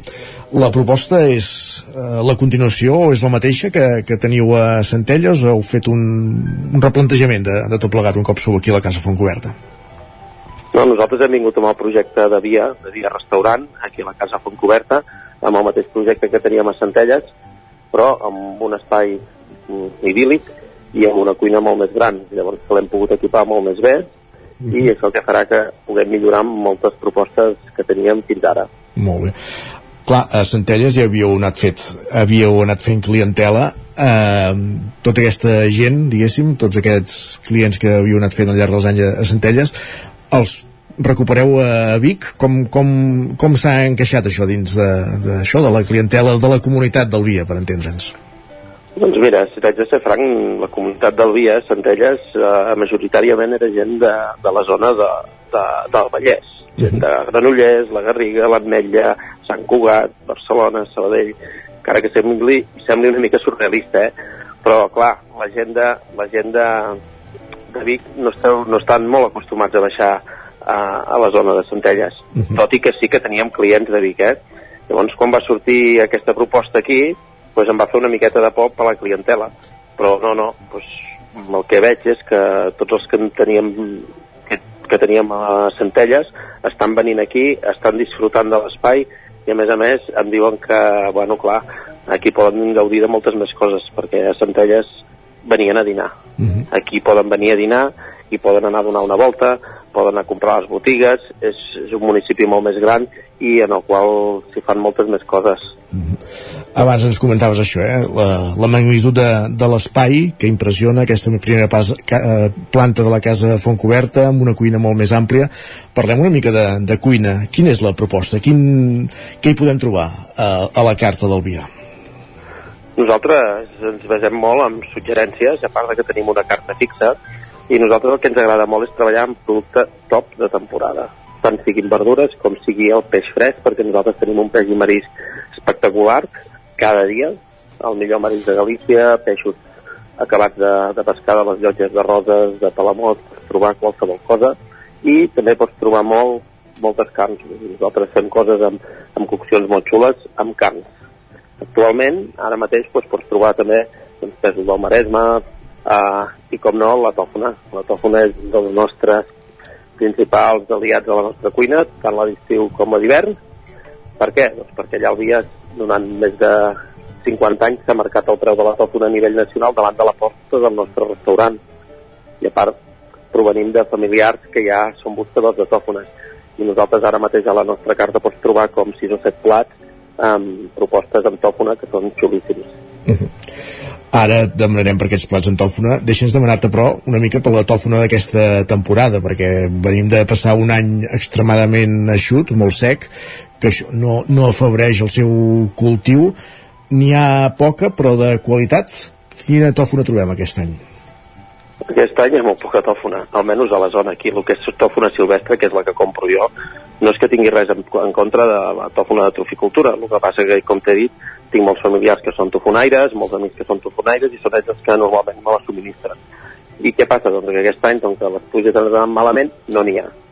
No n'hi ha, n'hi ha poquíssima. Aquest any, segons em diuen els mateixos tofonaires, l'única zona on fa tòfona, tòfona silvestre és la zona del Berguedà, valent?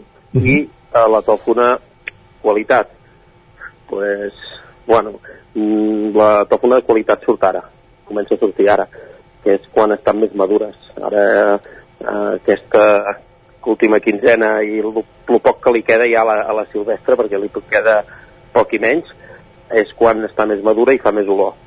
Jo he tingut la sort d'anar tenint tòfones de, de bastanta qualitat, eh? encara que aquest any eren una miqueta més blanques de dintre, no eren tan negres. Ens comentaves això, que teníeu a la carta 6-7 plats amb tòfona. Quins són aquests plats? Explica'ns una mica eh, com la utilitzeu, aquesta tòfona, com la treballeu. Nosaltres depèn, perquè improvisem molt, depèn de les taules i de la gent que ve. Les propostes que tenim a la carta doncs, és un plat que vam presentar al Trofòrum uh -huh. uh, fa un parell d'anys, en temps de pandèmia, que vam fer un vídeo que, que és una baixa temperatura, amb bolets ensalada al coll, una, una parmentia de patata, els ous trufats, i la tòfona, que és una, un plat que agrada molt. Després en fem una altra proposta amb pèsols del Maresme, gamba vermella, amb, amb tòfona també i una crema de marisc. Doncs també tenim un remenat amb pèsols del Maresme. Llavors fem fora així de cartes quan ens demanen algun arròs amb tòfona i bolets. Uh, fem un fettuccel, que és una pasta que la fem dintre d'un formatge parmesà. Tenim un, un formatge d'uns 60 centímetres de diàmetre i fem el, la pasta dintre del formatge i, bueno, un peu de porc Mare de Déu. sense feina, amb, amb festucs, foie, la carxofa, que la vaig presentar amb, amb el concurs que, que fan de plat de tòfona, que no ens l'han escollit, però que és una, una carxofa espectacular per mi. I, bueno, uh, hi ha altres propostes que ara mateix, bueno, uh, que anem fent, perquè sempre depèn del producte que ens surt, a vegades ens surt un plat i ah, avui farem això aquí. Ara, una altra cosa molt xula també que estem fent, sí. que me la deixava, doncs estem fent la llengueta, la llengueta que és el xanquet, petit, aquell peixet tan petit, sí. que el fem amb un pil-pil, amb un pil-pil davant del client, amb una llema d'ou trufada i tòfona, i està espectacular. Caram, doncs tot això hem de, de prendre nota. Uh, abans, de, abans de parlar de, de la tòfona ens parlaves també de, de la resta de producte que treballeu ens deies cocció, eh, carns amb, coccions molt xules de, amb carn uh, quin tipus de coccions? perquè això entenc que defuig de la típica cassola, eh? diguéssim va molt més enllà No, sí, sí, nosaltres fem, fem algun plat que el fem a la cassola de tota la vida, com feien les iaies, 6, 7, 7 hores allà fent xup-xup, fins que el tenim en el seu punt. Llavors fem moltes coccions a baixa temperatura i que les acabem després amb una altra cocció al forn i ara mateix estem esperant que ens incorporem una brasa de carbó que després amb aquests plats a baixa eh, quan els posem amb un toc de carbó seran, bueno, seran fantàstics. Però ens agrada fer cuines també elaborades però sense que es, que es trobi molt al gust del producte que mengem. Uh, anem acabant, Nico. Explica'ns una mica això, quin, uh, quins horaris feu, quan podem trobar el restaurant via obert, uh, quin tipus de propostes de menús hi ha, etc etc. Bueno, nosaltres actualment estem obrint, obrint de dimecres a diumenge uh -huh. pel personal, perquè puguin tinguer dos dies de descans, que és molt important. I eh, aquests dies treballem tots al, al migdia, d'una fins a les 4. Sí. I el divendres i el dissabte fem nits, de les 8 i mitja fins allà a les 11. Molt bé. Llavors, vigílies de festius i això també.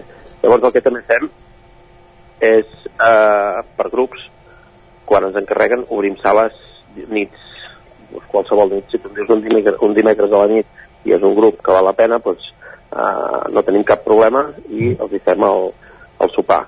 Nosaltres fem un menú diari, de moment, i treballem a la carta els dies de cada dia, els que no són festius, Sí. i llavors tenim menús per grups. Però els menús per grups tenim un menú que ja que són així ja mig fets, però només en tinc un, però el que ens agrada és personalitzar molt els, uh, els menús uh, al tipus de grup que ve. Doncs qui, qui, li, qui, qui li hagi interessat tot el que ens ha explicat a Nicolau Roger del restaurant Bio ja sap cap on fer-hi cap a la casa Fontcobert, al carrer de la Riera de Vic a la primera planta, a la planta baixa. Recordem que, que hi ha una altra proposta que és, a, que és el Bart, amb qui sou veïns per entendre'ns.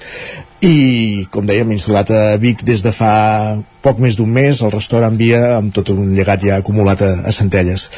Nicolau, que vagi molt bé, gràcies per acompanyar-nos i explicar-nos tota aquesta vostra proposta Doncs moltes gràcies a vosaltres. Bon dia Que tingueu un bon dia. I avancem al territori 17. Hem parlat de cuina a la Foc Lent. Tot seguit el que fem és una petita pausa per la publicitat i ja ens espera un dia més en Guillem Sánchez amb les piolades a punt per repassar el més destacat que ha trobat a Twitter. Fins ara mateix.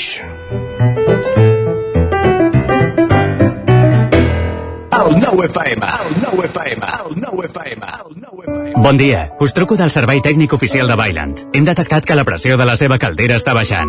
No me n'havia adonat. Com es pot solucionar? Ho resoldrem en uns minuts. No espereu més. Amb el servei de manteniment ServiPlus Connect de Bailand, preocupeu-vos del que realment importa. Nosaltres ens encarreguem de la vostra caldera. Informeu-vos a connectivitat.bailand.es. Has esperat que arribi el fred per comprovar si et funciona bé la caldera? No pateixis, a Casa Jové som especialistes en manteniment, reparació i revisió d'equips d'aigua calenta i calefacció, tant en l'ambient domèstic com industrial. Si tens una avaria, no ho dubtis. Som Casa Jové. Ens trobaràs al carrer Girona, número 9 de Vic, i al telèfon 93 886 1596. Casa Jové, el teu servei tècnic de confiança. Al forn de pa i pastisseria Glina hi trobareu una gran varietat de pans de producció pròpia amb farina de blat i de molts altres tipus, tots elaborats al nostre obrador. També us oferim tortells, braços de gitano, coques, brioixeria i pastes seques i pastissos personalitzats. I ara també ens trobareu al Mercat Municipal de Torelló. Forn de pa i pastisseria Glina, carrer Major número 9 de Sant Vicenç de Torelló i Mercat Municipal de Torelló. Bon dia, són les 9 al Territori 17. La Miquel Parella, Cada matí i durant dues hores t'acompanyem i et posem al dia de l'actualitat de casa nostra. Aquest cas me la peça el si no... cursos per feminitzar el pensament masculí. Territori 17, el magazín matinal d'Osona, el Moianès, el Ripollès i el Vallès Oriental. Que la meva àvia de 93 el anys- 9 FM, el 9 TV, el 99.cat i també els nostres canals de Twitch i I YouTube. demà per fer-se un tatuatge. Cada matí, Territori 17. Ole. Cocodril Club. Si t'agrada la bona música dels anys 60, 70 i 80, escolta el 9 FM als matins de dissabtes i diumenges d'11 a 1. És el temps del Cocodril Club, tot un clàssic de la ràdio, amb les bases del pop-rock, les llegendes, les cançons que s'han convertit en autèntics himnes. Recorda, dissabtes i diumenges al matí, d'11 a 1, al 9 FM 92.8. Cocodril Club. el programa Revival de l'Albert Malla. Hasta luego. Bon dia, són les 9 al Territori 17. La Miquel Parella. Cada matí i durant dues hores t'acompanyem i et posem al dia de l'actualitat de casa nostra. Potenciant així l'autonomia En aquest cas me la fer saltaler si no... Cursos per feminitzar el pensament masculí. Territori 17, el magazín matinal d'Osona, el Moianès, el Ripollès i el Vallès Que Oriental. la meva àvia de 93 El anys... 9FM, el 9TV, el 99.cat i també els nostres canals de Twitch i YouTube. demà per fer-se un tatuatge. Cada matí, Territori 17. Ole. El 9 FM, la ràdio de casa, al 92.8. En punt, dos quarts d'onze.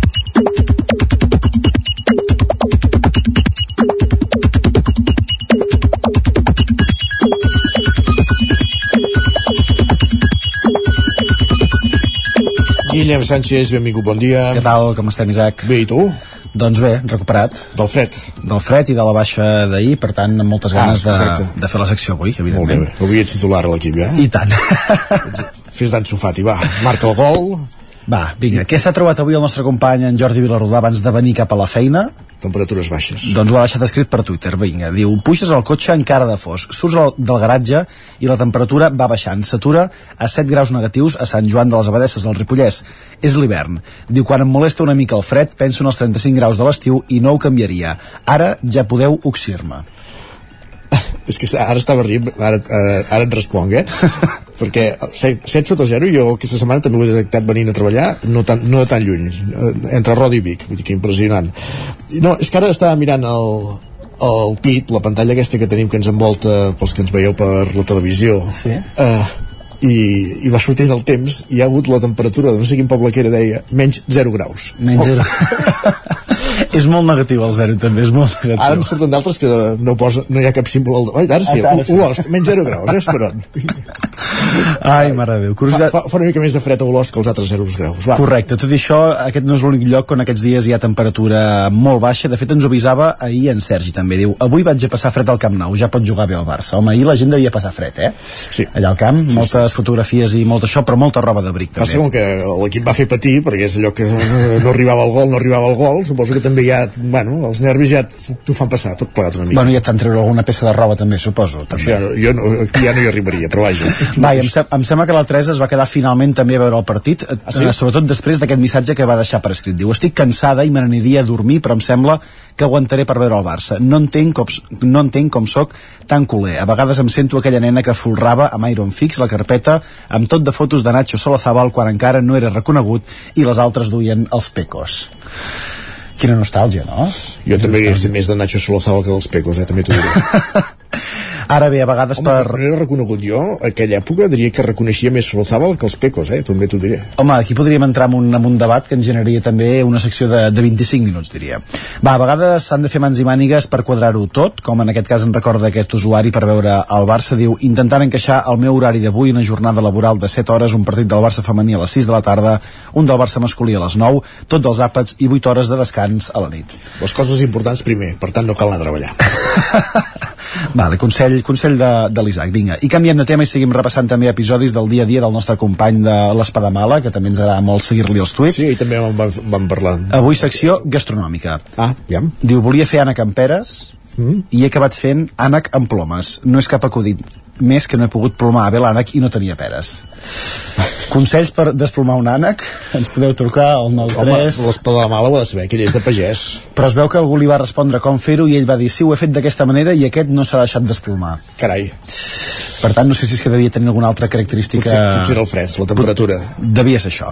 Va, un consell de la Maria José que potser tots hauríem d'aplicar-nos a la vida. Diu, sembla mentida com canvia la vida si sopes un parell d'hores abans d'anar a dormir i te'n vas al llit a llegir i dormir un parell d'hores abans de les 12 de la nit. Però llavors no pots veure el Barça masculí, no pots veure el Barça femení, no pots el Zona tots els Franca. àpats, no pots veure No, Zona Franca. El Barça femení sí, perquè jugava a les 6 de la tarda, em penso. Sí, però si ho has d'encaixar amb tota la resta de coses del dia, potser llavors has d'acabar sopant a les 5 de la tarda per poder-ho fer tot. Home, acabat el Barça femení pots posar-te sopar. Tens una hora i, i mentre llegeixes també pots sentir el Barça masculí per la ràdio. Va, t'ho compro, t'ho compro. Va, i per acabar una, un parell de reflexions, comencem amb la de l'Àlex amb la qual tinc total sintonia, diu Soc l'únic que s'estressa omplint les bosses al súper mentre la caixera i els de la cua et miren?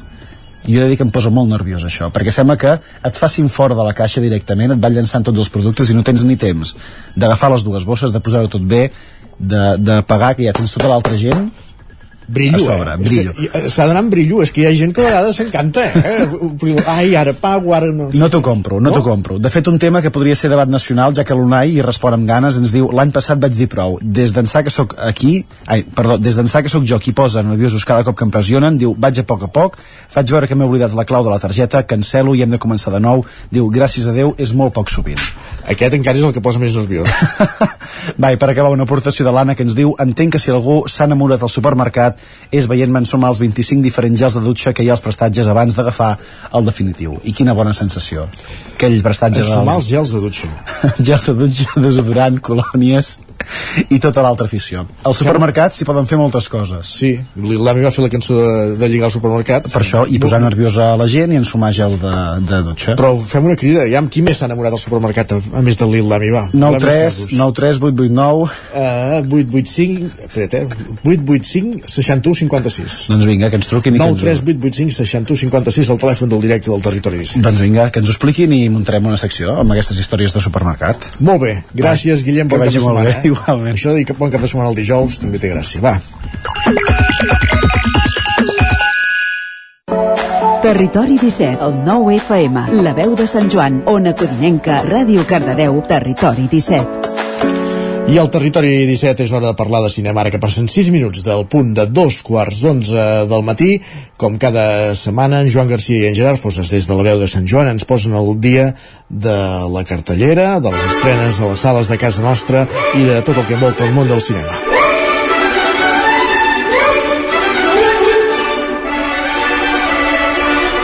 I una, I una setmana més, moment de parlar amb en Gerard Fosses per saber quina és la, l'actualitat la, en el món del cinema i també les estrenes del nostre territori.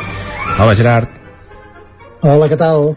Aquesta setmana, a part de les estrenes, que és el, el, el tema principal de la, de la nostra secció, també hi ha hagut doncs, entrega de Premis Gaudí 2023 i a llista de nominats als Oscars 2023 en parlarem breument després o vols fer-ho ara? Sí. Um, com, com tu prefereixis, si vols podem comentar-ho ara així ens traiem l'actualitat de sobre doncs, doncs fem-ho ara uh, mm. Mm, no hi van haver gaires novetats no? en, els, en els Gaudí, gaires sorpreses no, de fet, um, quasi bé la, la sorpresa és com aquesta repartició matemàtica dels premis que és quasi bé el que em va cridar més, de, més atenció de, del certamen. Però, o sigui, el que m'agrada més de la gala és el fet que hi hagués una orquestra allà a l'escenari, que això, mm. No sé, és com una cosa que dona com categoria. Eh, perdó, discursos molt llargs, com sempre. Però el que sí que està bé és que els premis han estat molt repartits. Vull dir, ja no sé si hi ha com una directriu general eh, de que més o menys se li ha de donar reconeixement a tothom i, de, i a més de manera molt, molt, molt repartida, perquè, per exemple, el Suro té premis a les millors interpretacions direcció novell, el Carràs millor pel·lícula de direcció, Una i una noche també se'n van portar 5, 5 gaudís, uh, Pacific Fiction també uns altres 4, vull dir que tenim quatre pel·lícules aquí molt equilibrades, que això els serveix doncs, per fer ara un rellançament també uh, a les sales. Uh, crida l'atenció que el Carràs estigués nominat, uh, nominada a 14 premis, només se n'en portés 5, i a més a més amb una decepció afegida que és que tampoc ha estat seleccionada finalment pel, pels Oscars com a millor pel·lícula de parlant anglès mm -hmm. En tot cas això eh, suposo que ha de ser complicat eh, una, una edició de, dels Gaudí com aquesta en què doncs el Carràs doncs, va, va guanyar el premi que va guanyar i per tant Uh, seria estrany que no se n'endugués cap o, o, o cap dels mm. més importants no? ha, de, ha de ser complicat gestionar això com que gairebé és li, li podien haver donat ja al mateix moment que li van donar la, la, la Berlinale ja donar-li també directament al, al Gaudí, no? Gairebé. Sí, a, a més a més que òbviament ha, ha passat un any des de, des de la Berlinale pràcticament, o sigui, no un any exacte, però clar, això en una temporada de premis, una pel·lícula que s'estrena a, a la primavera, Uh, és una mica complicat eh, perquè baixa una mica el sofler uh, ja penses, ui, això és de fa molt temps uh, potser que no, no li donem tanta importància. No sé, hi ha un factor psicològic que, que, que, que, que, que també juga. De totes maneres, una llei una noche també estava a la Berlinale, recordem, també competint pel, pel, per l'Os d'Or mm. o sigui que, que bé, allà les tenim totes dues que són òbviament dues de les pel·lícules més importants de, del cinema de, de producció nacional. Comptant també la, la de l'Albert Serra que, que no té un guardó oficial però sí que va optar a la Palma d'Huracans que no és poca cosa i també aquelles de cinema com l'ha posat com a millor pel·lícula de l'any 22 Uh, per tant, això. Vull dir, al, al final la, la conclusió és que és un molt bon any del cinema català, molt bon any del cinema espanyol, també, moltíssimes més pel·lícules, i el nivell que hi ha aquest any al Gaudí i, els, i, el que hi haurà als Goya segurament feia mm, pràcticament una dècada que no es veia. Per tant, és un motiu de celebració, també. Molt bé, saltem els Oscars. Uh, mm recordo això, que ens vas parlar molt bé d'aquesta pel·lícula, tota la vez en totes partes, sí. però encara que ens en vas parlar molt bé, m'ha sobtat molt tantes nominacions perquè no sembla una pel·lícula eh, fàcil, o si més no, del cànon de, que sol guanyar premis als Oscars, no? Bueno, això és una mica discutible, perquè al final la, la història a nivell de valors, diguem que encaixa molt bé amb el que, amb el que es busca ara, eh, que és aquest uh, repartiment uh, racialitzat, que són tots uh, xinesos, aquest component de ciència-ficció, el fet que sigui una història original, el fet que, que parli també un nivell emocional d'aquesta reconciliació amb la família, amb el tema de l'amor, etc. Eh, diguem que funciona bastant bé. El que passa que, que l'engranatge és, és absolutament rocambolesc i, i no s'ha vist una cosa igual probablement des de, des de Matrix, eh, salvant les distàncies òbviament filosòfiques que aquí no hi són, però sí que el que és eh, l'entremat narratiu és realment original i, i complicat. Uh, és una pel·lícula que podeu trobar a Filmin, però segurament també hi haurà una reestrena a sales d'aquesta pel·lícula, perquè dic, va passar de puntetes per la, per la taquilla espanyola. Va tenir molt èxit als Estats Units, això sí, uh, sobretot a nivell popular, amb el Boca Orella va fer molt, i, i ara s'ha trobat amb aquestes 11 nominacions que ara parlo de memòria, però feia molt temps que una pel·lícula no, no en tenia tantes, ara estàvem més habituats a veure pel·lícules això amb 8 9 nominacions, la que en tenia més, no? d'aquestes que al final se n'emporta 3, per dir alguna cosa, i en aquest cas això, s'ha trobat amb un paquet de nominacions.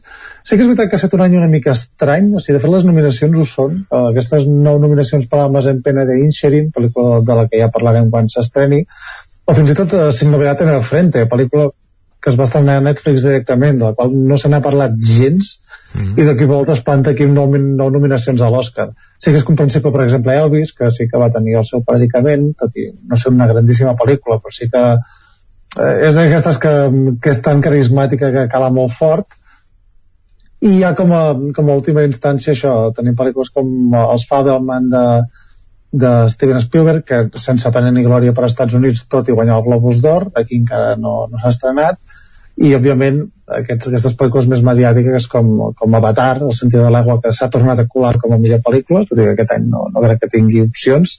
I Top Gun Maverick que, que ha aconseguit sis nominacions també, entre elles millor pel·lícula i, i millor guió adaptat, no sé adaptant què exactament, però, però em fa com molta il·lusió que una pel·lícula així comercial abocada a l'entreteniment, però tan ben feta i tan artesana, no ens estigui també apareixent a les llistes de, de les nominacions. Ja dic, potser falta com nivell cinematogràfic d'aquest que buscant l'excel·lència, no? però no n'hi ha cap, cap obra mestra en absolut. Però sí que tenim tota una sèrie de, de bones pel·lícules que, que bueno, també està bé que, que es reivindiquin. Molt bé, doncs mm. no sé si vols afegir alguna cosa més. Sí, de, remarcar l'absència la, sonada per mi d'After Sun, que és una pel·lícula que, que se n'ha parlat molt, així també boca orella, crítiques extraordinàries és una, és una pel·lícula increïble realment, segurament és, costa molt dir-ho ara al gener però serà de les millors del 2023 i només s'han portat una, una nominació al millor actor uh mhm. -huh. que també esperant que fos aquesta, la típica pel·lícula independent que es cola amb 4 o 5 nominacions als Oscars entre la millor pel·lícula no ha estat el cas i, i bé, també remarcar, com hem dit, que el Carràs no, no ha entrat a la criba final, però tampoc ha fet la pel·lícula de Park Chan-wook, la de Decision to Live, que en vam parlar la, la setmana passada, mm. i que també ha quedat fora de, de la llista final de, dels Oscars a millor pel·lícula, i mira que és un, un director que justament té, té bastant predicament també a, a Hollywood. Mm. Uh, però vaja, mira, al final les coses van com van i els premis són a vegades estranys de totes maneres, corregeix-me si m'equivoco però el, el, el Carràs ja, ja ho sabíem de feia, de feia temps o, no? perquè uh... Uh, el, crec que va passar una llista prèvia i la segona potser ja no. Uh, ara no sé com va anar això, perquè normalment fan una llista de 50, després una de 20 i llavors treuen les nominades. Perquè I crec que la de 20 no, no va arribar-hi. O sigui, eh, entenc que la, que, que la no sé com dir-ho, no sé qui ho tria, l'Acadèmia Espanyola o alguna així, tria, tria unes pel·lícules per enviar, unes quantes, o, o només una, o... Sí, en, en aquest cas les acadèmies internacionals en trien una, mm. i després de, de totes aquestes candidates que arriben a nivell internacional, eh, és uh, l'Acadèmia de Hollywood la qui escull les que acaben sent nominades. Mm, doncs jo no sé si, eh, si, si, si, si ja van triar Asbestes en comptes del Carràs, diria, per anar als Oscars. Sí. No, van triar el Carràs, de fet, quan Asbestes era una pel·lícula quasi bastant més adequada pel, pels Oscars, a més a més amb aquests tints de western que té. Crec que és, eh, com a mínim, haver tingut més opcions. El Carràs aquí en aquest cas era bastant més complicat, però bueno, el fet de que acabés de guanyar la Berlinale, doncs tampoc que, que també va fer bastant. Molt bé. Perfecte, doncs si et sembla anem a fer un repàs uh, uh, a les estrenes de la setmana que ens tornaran a portar o a passar pels, pels Òscar, però en tot cas això sí. també, també fem-ho fem ràpid perquè, perquè doncs ja ens hi, hem, ens hi hem extès. Comencem.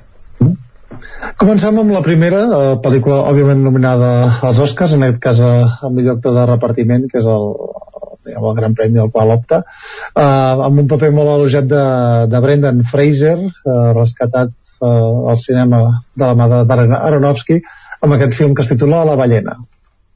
Sé que estas normas pueden parecer restrictivas, pero recordad que el objetivo de este curso es que aprendáis a redactar con claridad y convicción. Y recordad, pensad en la veracidad de vuestros argumentos. Eres una persona maravillosa, Ellie. No podría soñar con una hija mejor que tú. ¿Qué? ¿Ahora vas a hacer de padre? ¿Quién iba a querer que yo formara parte de su vida? Uh, ja l'hem vist, eh? El, el, el Brendan Fraser uh, uh, així molt, molt, molt gras que em sembla que es va engreixar per fer la pel·lícula però, però a banda doncs també tenia sí. portar prò pròtesis no? Sí, sí, està maquillat també. No, no, no s'ha engreixat tant. Mm -hmm.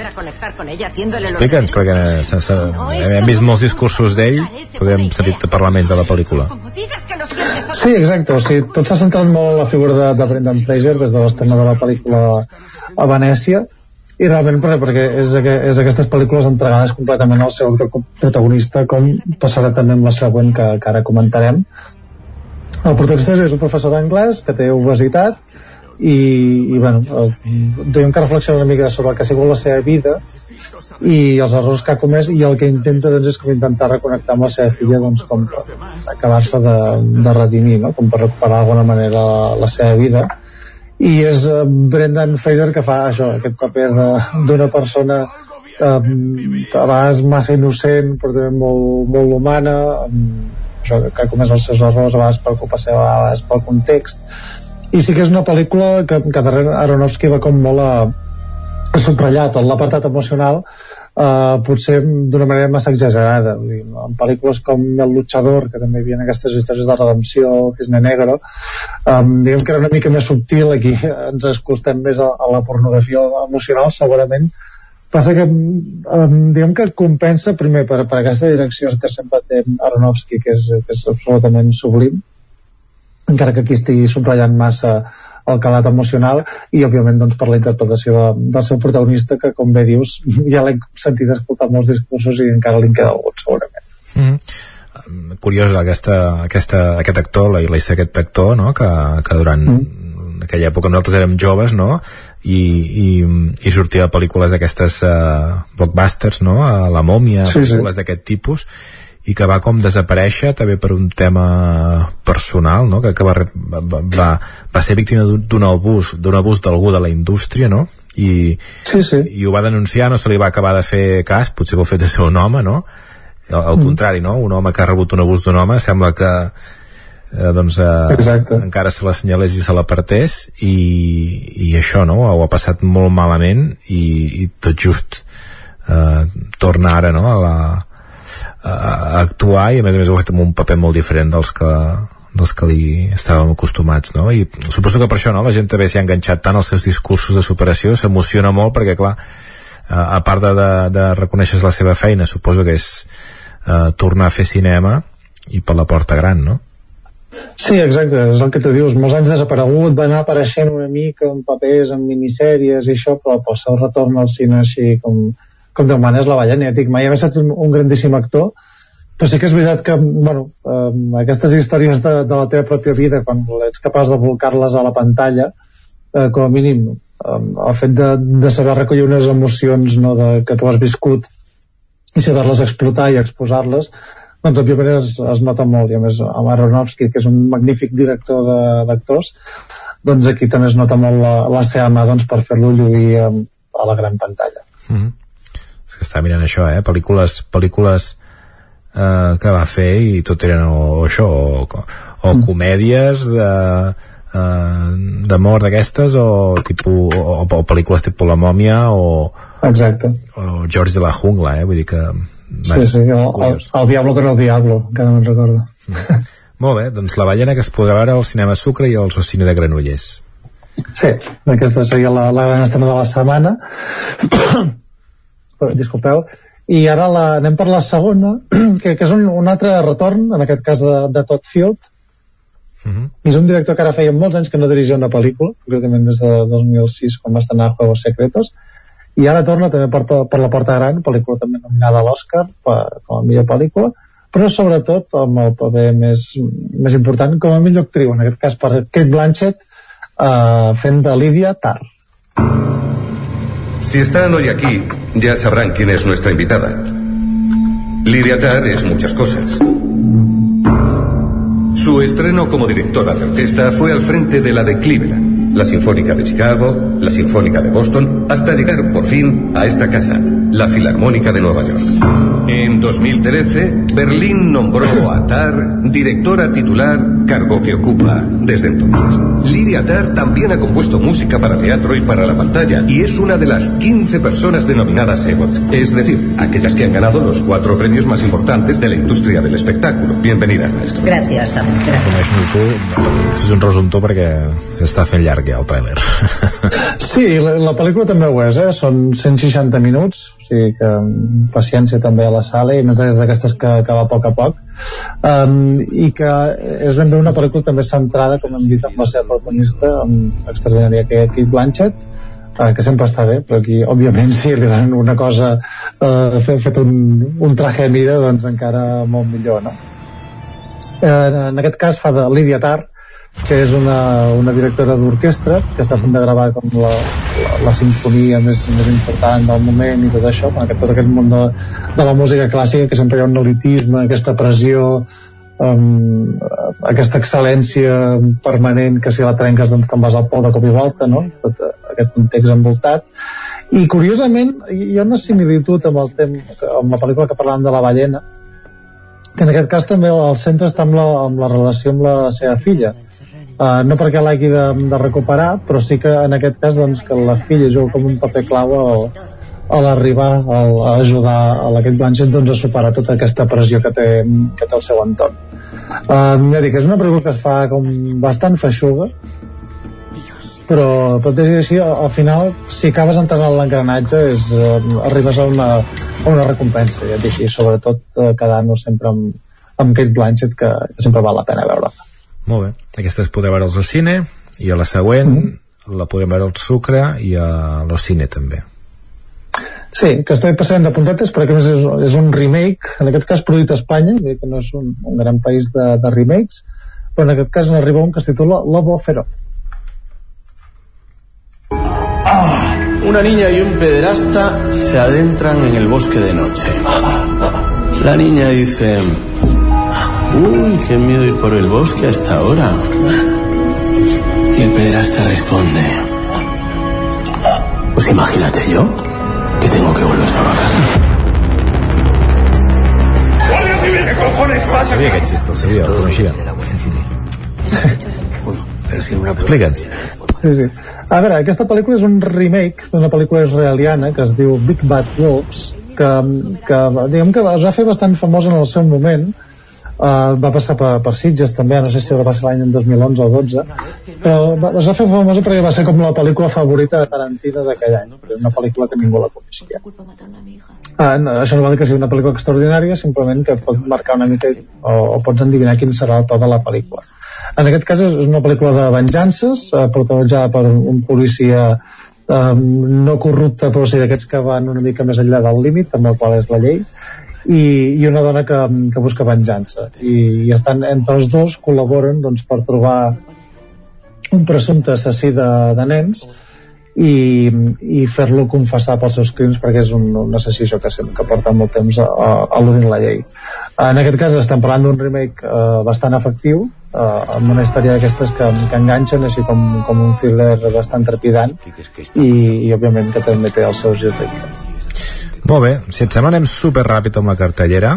Uh, la repasso jo i si has de dir alguna cosa en concret molt ràpida. Però a Ripoll podrem veure el Fred que crema, Close i el Carràs Sí, només subratllar Close, que està dintre de sessió del Cineclub Àric i és una magnífica pel·lícula belga protagonitzada més per, per dos nens que ho fan molt i molt que és el Camprodoní, Todos lo hacen.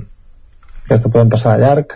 Uh, el Cinema Catalunya de Ribes fan Avatar, ja, ja ho sabem el cinema mm. Rambla de la Garriga continua amb sessions matinals, el fred que crema, Asbestes, Suro i el Carràs, totes n'hem parlat. Sí, exacte. I recuperant cinema català també i, i també Asbestes, que també és la gran pel·lícula del cinema espanyol. Asbestes també es pot veure a l'Esbarjo de Cardedeu, a l'Alter de Torelló Un any o una noche, també del cicle Gaudí, mm -hmm. i el Casal de Gràcia de Manlleu, 42 segundos pel que sí, fa... també ja, ja n'hem parlat. I pel que fa a Cineclub de Vic també n'hem parlat i aquesta també la vas destacar en el seu moment Licore Pizza. Sí, el Licorice Pizza és la, la pel·lícula que tanca ja el cicle de gener i llavors ja, ja parlarem de les següents pel·lícules que vagin venint a, a partir del, del febrer. Molt bé, com es pronuncia això? És que ho he llegit fatal? Licor... Com? Lico, licorice Pizza. Molt bé. Doncs, Gerard, gràcies per ensenyar-nos llengües i també doncs, per, per explicar-nos les estrenes de la setmana. Que vagi molt bé. A, a disposar, ja ho sabeu. Vinga, que vagi molt bé, adeu. Territori 17 Ràpidament, rec de final al Territori 17, després del cinema venen les sèries, avui en companyia d'en Pol Grau i de l'Isaac Muntades. Pol, quina sèrie ens portes aquesta setmana? Eh, Calidoscopio, la nova aposta forta per Netflix que va estrenar a l'1 de gener d'aquest any, uh Mhm. -huh. on eh, és una minissèrie de 8 capítols d'uns 40-50 minuts que ens parla del, del protagonista, el Giancarlo Espósito, conegut per Breaking Bad, Mandalorian i The Voice, on vol robar 7.000 milions de dòlars, on el robo que, va, que vol fer el va planejar a la presó i el vol robar en el lloc més segur del món, que és una empresa de seguretat on el director és un antic conegut. Eh, lo interessant de la sèrie és que són 8 capítols que no cal veure'ls en ordre cronològic, Uh -huh. sí que t'has de deixar un, que és el... va per colors el, el, els capítols, hi ha el, hi ha el, el verd, el groc, el blau, el violeta, el taronja, el vermell, el rosa i el blanc. Sí No. que el blanc te l'has de deixar pel final per veure l'últim, però tots els altres els pots veure a l'ordre que, que tu vulguis. No, import, no, no tenen ordre cronològic en si en lineal. Eh, sí que hi ha cinc capítols que passen abans de l'atracament i dos que passen després.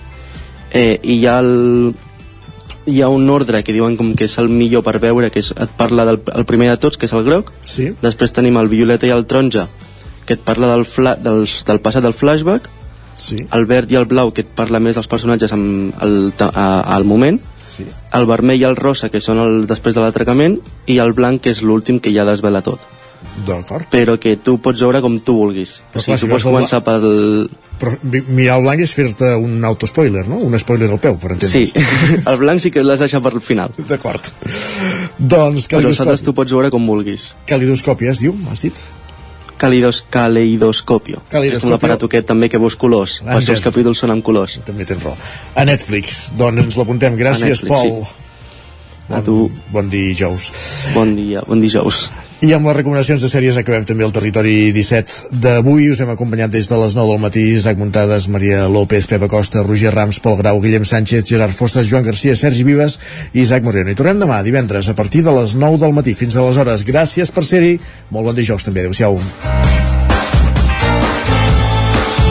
Territori 17 un magazín del nou FM. La veu de Sant Joan, Ona Codinenca i Ràdio Cardedeu amb el suport de la xarxa.